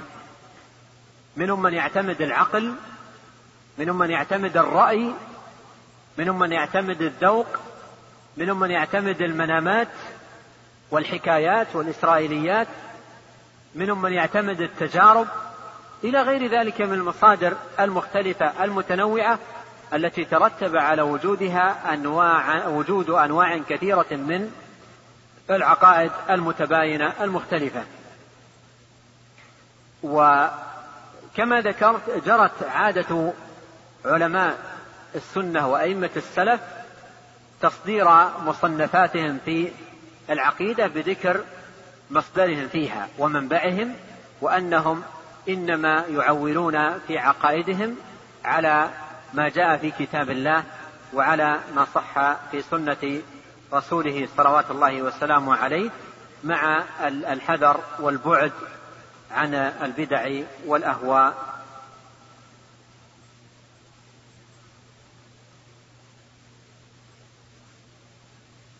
يأتينا هنا في مقدمة دراستنا لهذا الكتاب سؤال يأتي عادة في مثل هذه المناسبة وهو سبب تأليف هذا الكتاب. سبب تأليف هذا الكتاب. ما هو سبب تأليف؟ المزني رحمه الله لهذه الرسالة. والجواب يأتي في المقدمة وفي السند سند هذه الكتاب هذه الرسالة. المتصل إلى علي بن عبد الله الحلواني قال كنت بطرابلس المغرب فذكرت أنا وأصحابي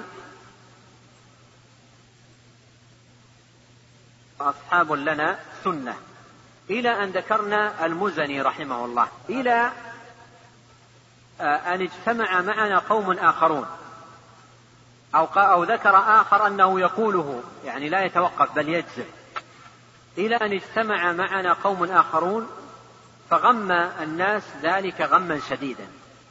فكتبنا إليه كتابا نريد أن نستعلم منه.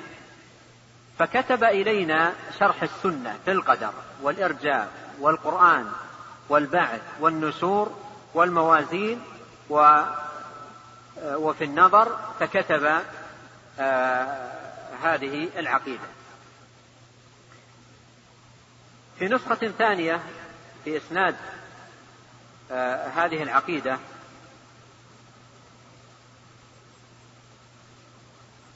يقول آه عبد الكريم بن عبد الرحمن بن معاذ بن كثير جالست علي بن عبد الله الحلواني بطرابلس المغرب في مجلس مذاكرة وكنا جماعة من أهل العلم بمذهب أهل السنة. فجرى ذكر علماء بذلك مثل مالك والشافعي وأبي حنيفة وسفيان الثوري وداود الأصفهاني وإسحاق بن راهوية وأحمد بن حنبل والمزني. فعارض معارض في المزني رحمه الله وقال ليست ليس من جملة العلماء. وقال ليس من جملة العلماء. قلنا فلم ذاك؟ قال لأنني سمعته يتكلم في القدر ويجادل بالقياس والنظر. فغمنا ذلك أن نسمعه عنه وأحببنا أن نعلم حقيقة ذلك. فكتبنا إليه كتابا نسأله أن يشرح لنا حقيقة اعتقاده في القدر والإرجاء والسنة والبعث والنشور والموازين والصراط. ونظر الناس إلى وجه الرب تبارك وتعالى وسألناه الجمع والاختصار في الجواب. فلما أن وصل إليه الكتاب رد إلينا جوابه فذكر الرسالة. وبالمناسبة أنصح بقراءة ما كتبه المحقق هنا في هذه الرسالة تحت عنوان شبهة حول المزن.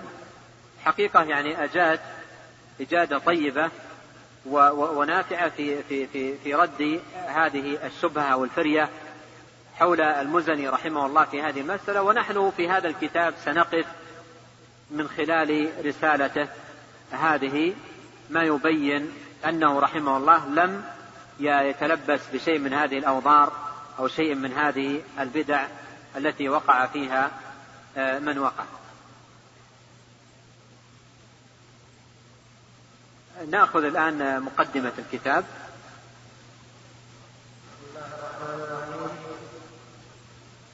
عصمنا الله وإياكم بالتقوى ووفقنا وإياكم لموافقة الهدى. أما بعد فإنك سألتني أن أوضح لك من السنة أمرا تصبر نفسك على التمسك به وتدرأ به عنك شبه الأقاويل وزيغ محدثات الضالين. وقد شرحت لك منهاجا موضحا لم آل نفسي وإياك فيه نصحا بدأت فيه بحمد الله بالرشد والتسديد. الحمد لله أحق من ذكر وأولى من شكر وعليه أثني. الواحد الصمد ليس له صاحبة ولا ولد جل عن المثيل فلا شبيه له ولا عديل. السميع البصير العليم الخبير المنيع الرفيع. نعم. بدأ الإمام المزني رحمه الله آه هذه الرسالة بالبسملة مستعينا بالله تبارك وتعالى على ما قصد من تأليف هذه الرسالة المباركة. والباء في بسم الله باء الاستعانة. ومعنى بسم الله أي آه أكتب. معناها هنا أي بسم الله أكتب أي أبدأ كتابتي مستعينا بالله تبارك وتعالى. فهي كلمة استعانة بالله جل وعلا. وفي البسملة أسماء الله الحسنى الثلاثة الله الرحمن الرحيم وهي أسماء حسنى دالة على كمال الرب جل وعلا وعظمته وجلاله. والله اسم دال على ألوهيته كما قال ابن عباس رضي الله عنهما الله ذو الألوهية والعبودية على خلقه أجمعين. والرحمن دال على ثبوت الرحمة صفة لله تبارك وتعالى. الرحمن الرحيم هذان الاسمان دالان على ثبوت الرحمة صفة لله. أما الرحمن فهو دال على قيامها به والرحيم دال على تعلقها بالمرحومين كما قال جل وعلا وكان بالمؤمنين رحيما فالله عز وجل رحمن أي متصف بالرحمة القائمة به سبحانه ورحيم يرحم عباده ورحمته جل وعلا وسعت كل شيء. قال بسم الله الرحمن الرحيم عصمنا الله وإياكم بالتقوى. استهل الرسالة بهذه الدعوة المباركة لمن كتبوا إليه طلبا آه، ببيان عقيدته وبيان أمور الإيمان. فيقول عصمنا الله وإياكم بالتقوى ووفقنا وإياكم لموافقة الهدى. وهذه دعوة مباركة. عصمنا الله وإياكم والعصمة هي الوقاية والسلامة من الشرور والآفات والأهواء والضلالات. والعصمة لا تكون إلا بالتقوى. فحظ الإنسان من السلامة والوقاية من الشرور بحسب حظه من التقوى. فكلما كان نصيبه من التقوى أوفر وحظه منها أكبر كان نصيبه من السلامة أوفر. فالعصمة في التقوى. ولهذا جاء في الدعاء المأثور وهو في صحيح مسلم عن نبينا صلى الله عليه وسلم وهو دعاء عظيم مبارك. قال اللهم أصلح لنا ديننا الذي هو عصمة أمرنا. فعصمة الأمر بالدين بتقوى الله بمراقبته سبحانه وتعالى في السر والعلانية. بهذا عصمة أمر الإنسان وسلامته من الآفات والشرور أما بدون الدين وبدون التقوى لا لا سلامة ولا فلاح ولا سعادة لا في الدنيا ولا في الآخرة. والتقوى هي من الوقاية. التقوى من الوقاية.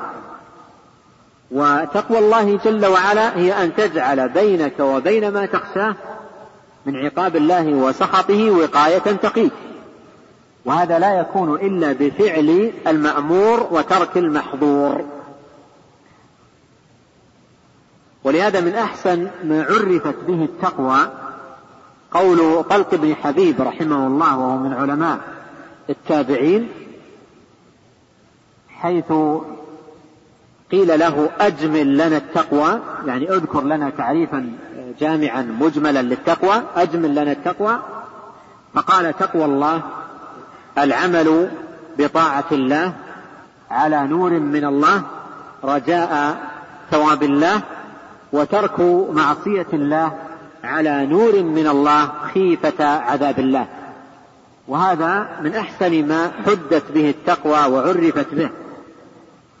وقد وقفت آه، على ثناء عاطر عن غير واحد من الأئمة منهم شيخ الإسلام ابن تيمية في مجموع الفتاوى وابن القيم في آه، رسالته التبوكية والذهبي في ترجمته لطلق في سير أعلام النبلاء وابن رجب في جامع العلوم والحكم وآخرين من أهل العلم يثنون ثناء عاطرا على هذا الحد للتقوى لطلق ويذكرون أنه من أحسن ما حدت به التقوى وأنه أوجز وأبدع وأجاد في هذا التعريف.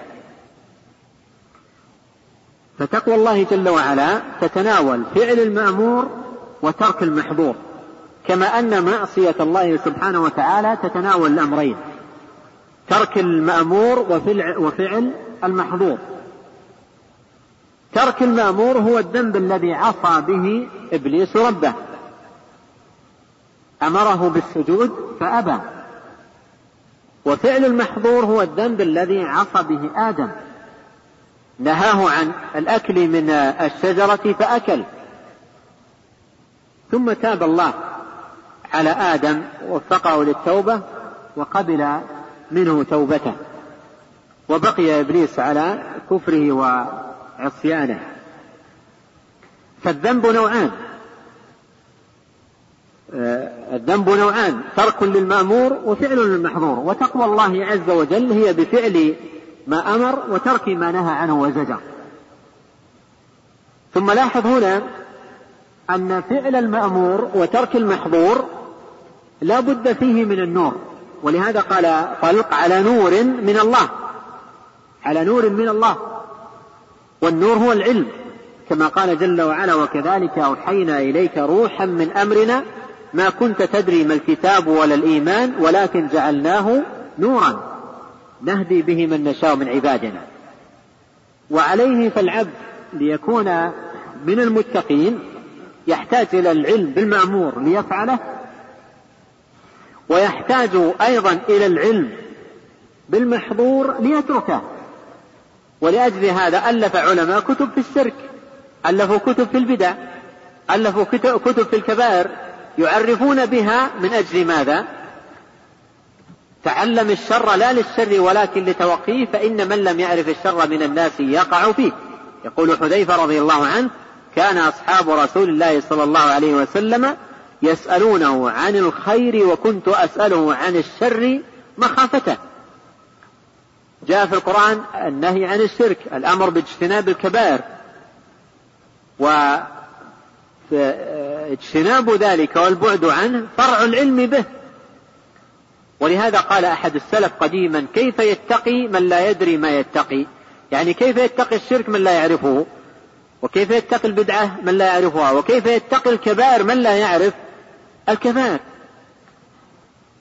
فلا بد في الأوامر من علمها العلم بها ليفعلها العبد على نور من الله ولا بد أيضا في المحرمات والمنهيات من العلم بها ليتركها العبد على نور من الله. ثم لا بد في هذا كله من الرجاء والخوف. عبادة الله عز وجل بالرجاء والخوف رجاء رحمة الله وخوف عذابه سبحانه وتعالى. قال عصمنا الله وإياكم بالتقوى فيه أن العصمة لا تكون والسلامة إلا بتقوى الله عز وجل. ووفقنا وإياكم لموافقة الهدى. ومراده بالهدى أي السنة. وقد كان عليه الصلاة والسلام يقول في كل جمعة إذا خطب الناس أما بعد فإن أصدق الحديث كتاب الله وخير الهدى هدى محمد صلى الله عليه وسلم وشر الأمور محدثاتها وكل محدثة بدعة وكل بدعة ضلالة. فالهدى هو ما كان عليه الرسول الكريم صلى الله عليه وسلم فهو إمام الهدى وداعية الهدى صلوات الله وسلامه عليه. هو الذي أرسل رسوله بالهدى ودين الحق ليظهره على الدين كله وكفى بالله شهيدا. فالهدى هو السنة. قال ووفقنا وإياكم لموافقة السنة. أي أن نوافق السنة في أقوالنا وأفعالنا. ولا نكون من المتقدمين بين يدي الله ورسوله. لا في القول ولا في الفعل. ولهذا جاء في الحديث الصحيح أن النبي عليه الصلاة والسلام قال ما من نبي إلا ما من نبي بعثه الله إلا وله من أمته حواريون وأصحاب يستنون بسنته ويهتدون بهديه. يستنون بسنته ويهتدون بهديه. ثم إنه يخلف من بعدهم خلوف يقولون ما لا يفعلون ويفعلون ما لا يؤمرون. وهنا لاحظ ملاحظة مهمة في هذا الباب أن مفارقة السنة تكون في مفارقتها في الاعتقاد وتكون في مفارقتها في العمل. تكون في المفارقة في الاعتقاد والمفارقة في العمل. يعني قد يكون إنسان في عمله على السنة ولكنه في العقيدة منحرف. يكون في العقيدة منحرف. قد يكون على السنة يأتي بأعمال صحيحة ولو في الجملة. ولكن تجد في العقيدة على شرك أو على بدع وعلى ضلالات وعلى طوام وربما على كفريات والعياذ بالله. فموافقة السنة لا بد أن تكون موافقة في العقيدة وموافقة في العمل. ولهذا قال الله تعالى لا تقدموا بين يدي الله ورسوله. يقول ابن القيم ملخصا أقاويل السلف في معنى الآية قال أي لا تقولوا حتى يقول ولا تفعلوا حتى يأمر. لا تقولوا حتى يقول هذا في العقيدة. ولا تفعلوا حتى يأمر هذا في العمل. فلتكن عقيدتكم على ضوء عقيدة النبي الكريم عليه الصلاة والسلام ولتكن أعمالكم على وفق سنته صلى الله عليه وسلم. إذا موافقة الهدى أي موافقة السنة قولا وعملا عقيدة وشريعة. عقيدة وشريعة. ووفقنا وإياكم لموافقة الهدى. أما بعد وهذه آه، كلمة يؤتى بها للبدء بالمقصود ومعناها أي ومهما يكن من شيء بعد. فإنك سألتني أن أوضح لك من السنة أمرا تصبر نفسك على التمسك به. سألتني أن أوضح لك من السنة أي من العقيدة. إطلاق السنة هنا المراد به العقيدة. والسؤال الذي ورد إلى المزني رحمه الله طلب منه شرح السنة في أمور العقيدة في القرآن والإيمان والبعث والنشور والموازين فالمسألة المطلوب من منه بيانها أو المسائل المطلوب منه بيانها مسائل تتعلق بالاعتقاد. فإذا السنة هنا آه، أطلقت وأريد بها آه، العقيدة. و و و و والسنة هي دين النبي الكريم عليه الصلاة والسلام عقيدة وشريعة. فقوله صلى الله عليه وسلم عليكم بسنتي يشمل العقيدة ويشمل الشريعة يشمل الإيمان ويشمل العبادات والأعمال. قال من السنة أمرا تصبر نفسك على التمسك به. تصبر نفسك. وتأمل كلمة تصبر هنا. وفعلا كلمة جاءت في محلها.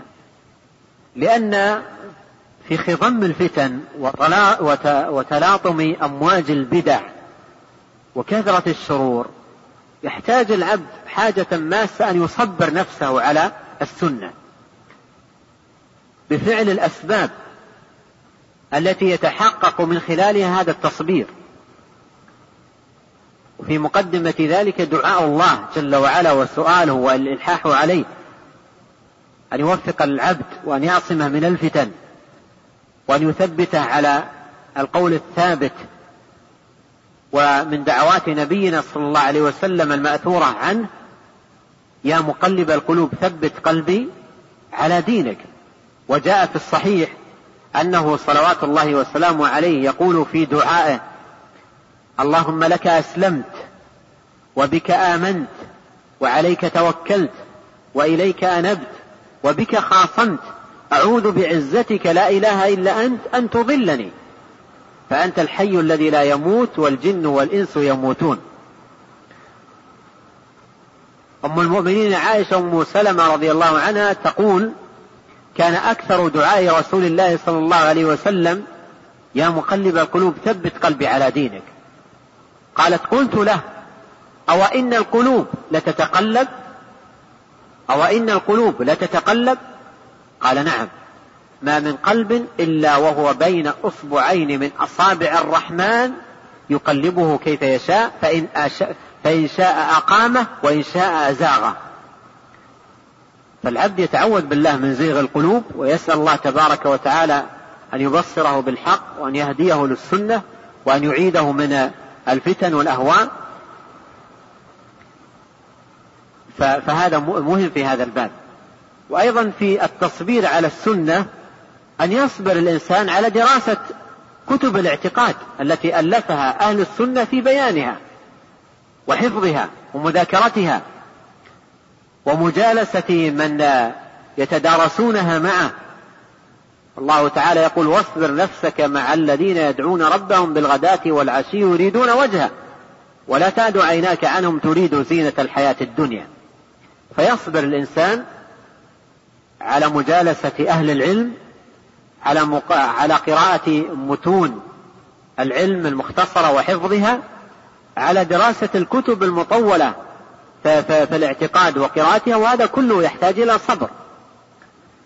ولهذا قال هنا أن تصبر نفسك على السنة أي ببذل الأسباب التي تعين العبد ويتيسر من خلالها للعبد أن يتمسك بالسنة وأن يسلم من الأهواء والبدع.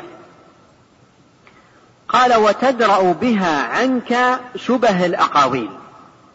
وتدرأ عنها وتدرأ بها عنك شبه الأقاويل. لاحظ هنا أن شبه الأقاويل التي يلقيها أهل البدع والأهواء خطيرة جدا على الإنسان.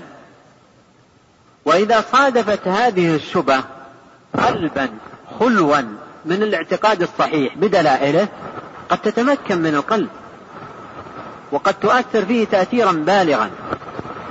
ولهذا يحتاج العبد للسلامة من شبه الأقاويل وأضاليل أهل الباطل يحتاج إلى أن يملأ قلبه ويعمر قلبه بالإيمان الصحيح والاعتقاد السليم بدلائله وبراهينه من كتاب الله وسنة نبيه صلى الله عليه وسلم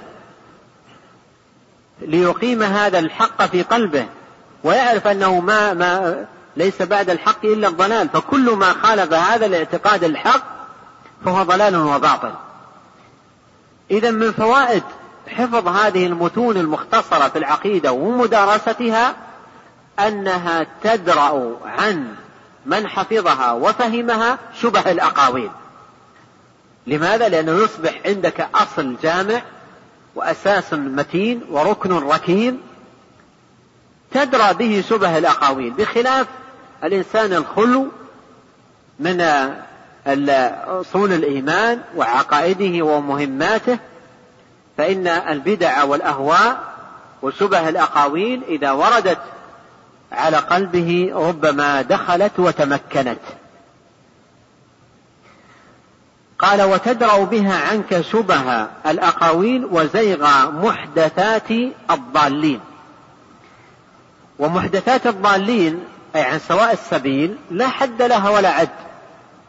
وهي آه كم كبير وعدد كثير من الشبه لا تحصى. فالسلامة من هذه الشبه ومن هذه آه، ومن هذا الزيغ لا يكون إلا بالاعتصام بالكتاب والسنة ومن يعتصم بالله فقد هدي إلى صراط مستقيم. قال وقد شرحت لك منهاجا موضحا. لم آل نفسي وإياك فيه نصحا. منهاجا أي طريقا موضحا. منهاجا موضحا. أي موضحا للحق مبينا له. وهنا تعرف أن حقيقة المنهاج والمنهج وكثيرا ما يأتي الحديث والسؤال عن المنهج في زماننا أن حقيقة المنهج لزوم السنة والعناية بالعقيدة والتمسك بما كان عليه الرسول الكريم عليه الصلاة والسلام وأن يصبر الإنسان نفسه على ذلك مع الملازمة للعبادة والمداومة للطاعة والذكر لله تبارك وتعالى. هذه حقيقة المنهج. هذه حقيقة المنهج. المنهاج المستقيم هو تحقيق الاعتقاد الحق والعناية بالمعتقد السليم حفظا ومذاكرة وفهما وتحقيقا وإيمانا والعناية بعبادة الله سبحانه وتعالى والتقرب إليه بما يحبه تبارك وتعالى ويرضاه. فهذا هو المنهاج الصحيح والطريق القويم. يقول شرحت لك منهاجا موضحا. ما هو المنهاج؟ المنهاج هو العقيدة الصحيحة أن يعتنقها العبد. وتكون أساس أساسه الذي يبني عليه أعماله وطاعاته وقرباته لله. ثم بهذا المعتقد الصحيح يمضي متقربا إلى الله سبحانه وتعالى بما يحب ويرضى من سديد الأقوال وصالح الأعمال. قبل أيام قلائل اتصل بي أحد الشباب عبر الهاتف وقال أشكلت علي كثرة المناهج واختلطت علي الأمور ولا أدري ماذا أفعل وكيف أسير وقلت له المنهاج واضح ليس فيه التباس أبدا. المنهاج واضح والطريقة واضحة ليس فيها التباس أبدا. وأشرح لك المنهاج باختصار وعليك أن تحافظ عليه. قلت تبدأ من الآن سألته قلت هل تحفظ كتاب التوحيد؟ أو تحفظ متنا من المتون في التوحيد في العقيدة؟ قال لا. قلت بداية المنهاج احفظ كتابا في التوحيد. دعك من القيل والقال والحديث مع فلان وعلان احفظ كتابا في التوحيد. واستمع إلى شرحه لأكثر من عالم. بحضور مجالس العلماء وأيضا بسماع الأشرطة النافعة وأيضا قراءة الكتب المؤلفة في الشروحات.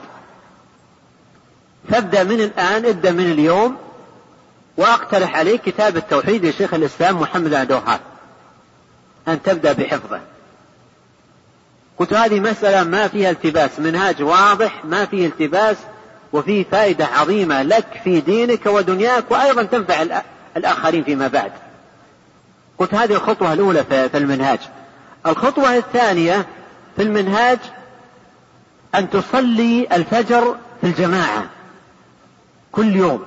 مع جماعة المسلمين في المسجد. ابن القيم رحمه الله في كتابه الطرق طريق الهجرتين لما ذكر أوصاف المقربين وتحدث عن منهاجهم وطريقهم ذكر برنامجهم اليومي وأنصحكم بقراءة ما كتب رحمه الله. ذكر برنامجهم اليومي ماذا يفعلون. حتى إنه قال من دقة وصفه لأوصافهم قال يتقدم مبكرا إلى الصلاة في الصف الأول على يمين الإمام هذا منهاج.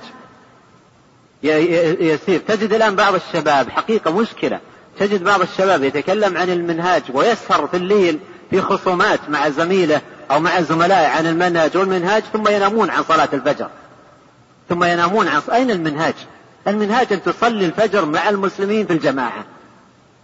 إذا لم تصلي مع المسلمين في الجماعة وتكون مضيعا لها لست على المنهاج ولست طالب علم.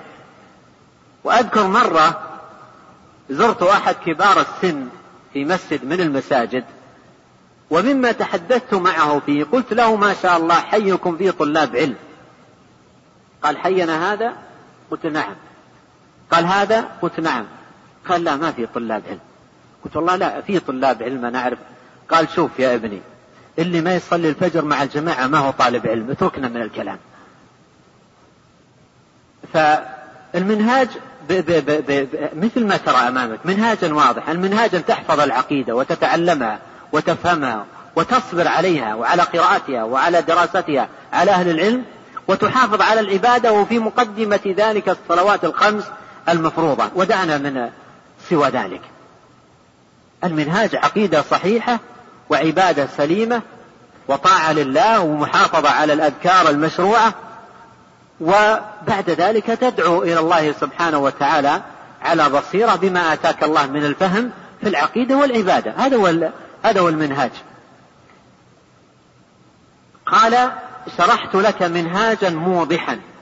لم آل نفسي وإياك فيه نصحا.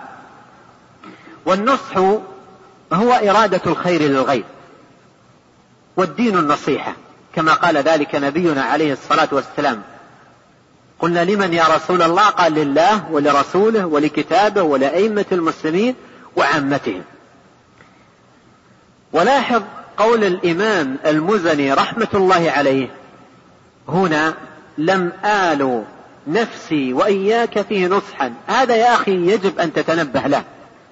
يجب أن تكون ناصح أنت أولا لنفسك في العقيدة التي تلقى بها ربك يوم القيامة وأن تكون ناصحا لمن تبين لهم العقيدة فيلقون بها ربهم عندما يتعلمونها منك ويأخذونها عنك. وهنا تدرك الخطر العظيم الذي يجنيه من يعلمون الناس العقيدة على غير السنة وإنما على طريقة علم الكلام يحفظونهم متون في العقيدة ومنظومات في العقيدة على غير طريقة على غير السنة وعلى وعلى غير طريقة أئمة أهل السنة. فإذا هنا انتبه إلى فائدة مهمة ينبهك إليها المزني رحمه الله في, في هذا الباب العظيم الخطير أن لا تالوا نفسك ولا غيرك نصحا في هذا الباب. فتكون في العقيدة متحريا مدققا متقنا ضابطا لها وأن تكون منطلقا فيها من كتاب ربك وسنة نبيك عليه الصلاة والسلام. إياك أن تقول في العقيدة قولا بلا دليل. يقول ابن تيمية رحمه الله من فارق الدليل ضل السبيل ولا دليل إلا بما جاء به الرسول صلى الله عليه وسلم. ويقول ابن أبي العز رحمه الله كيف يرام الوصول إلى علم الأصول بغير معرفة ما جاء به الرسول صلى الله عليه وسلم؟ أي أن هذا محال. فإياك أن تتكلم في الاعتقاد أو في باب من أبوابه إلا بالدليل الواضح والبرهان الساطع من كتاب الله وسنة نبيه صلى الله عليه وسلم. عقيدتنا كذا لقوله تعالى كذا. عقيدتنا كذا لقوله صلى الله عليه وسلم كذا. أما هرطقة المتكلمين لو أنه كذا لكان كذا وبما أنه وفلسفات وأمور كل هذا دع دعك عنه. وقل في العقيدة أعتقد كذا لقوله تعالى كذا وأعتقد كذا لقوله صلى الله عليه وسلم كذا. وهذه السنة العقيدة الصحيحة المتلقاة من الكتاب والسنة. فعليك أن تنصح نفسك أولا بمعرفة هذه العقيدة المأخوذة من الكتاب والسنة ومن ثم تنصح الآخرين بتقديم هذا المعتقد الحق لهم ودلالتهم عليه. قال لم آل نفسي وإياك فيه نصحا بدأت فيه بحمد الله بالرشد والتسديد. ونقف هنا عند هذا الحد ولنا لقاء إن شاء الله بعد صلاة الظهر. وأسأل الله لي ولكم التوفيق والسداد والهداية والرشاد وأن ينفعنا بما علمنا وأن يعلمنا ما ينفعنا وأن يزيدنا علما. إنه تبارك وتعالى سميع الدعاء وهو أهل الرجاء. وحسبنا ونعم الوكيل وصلى الله وسلم على نبينا محمد وآله وصحبه أجمعين.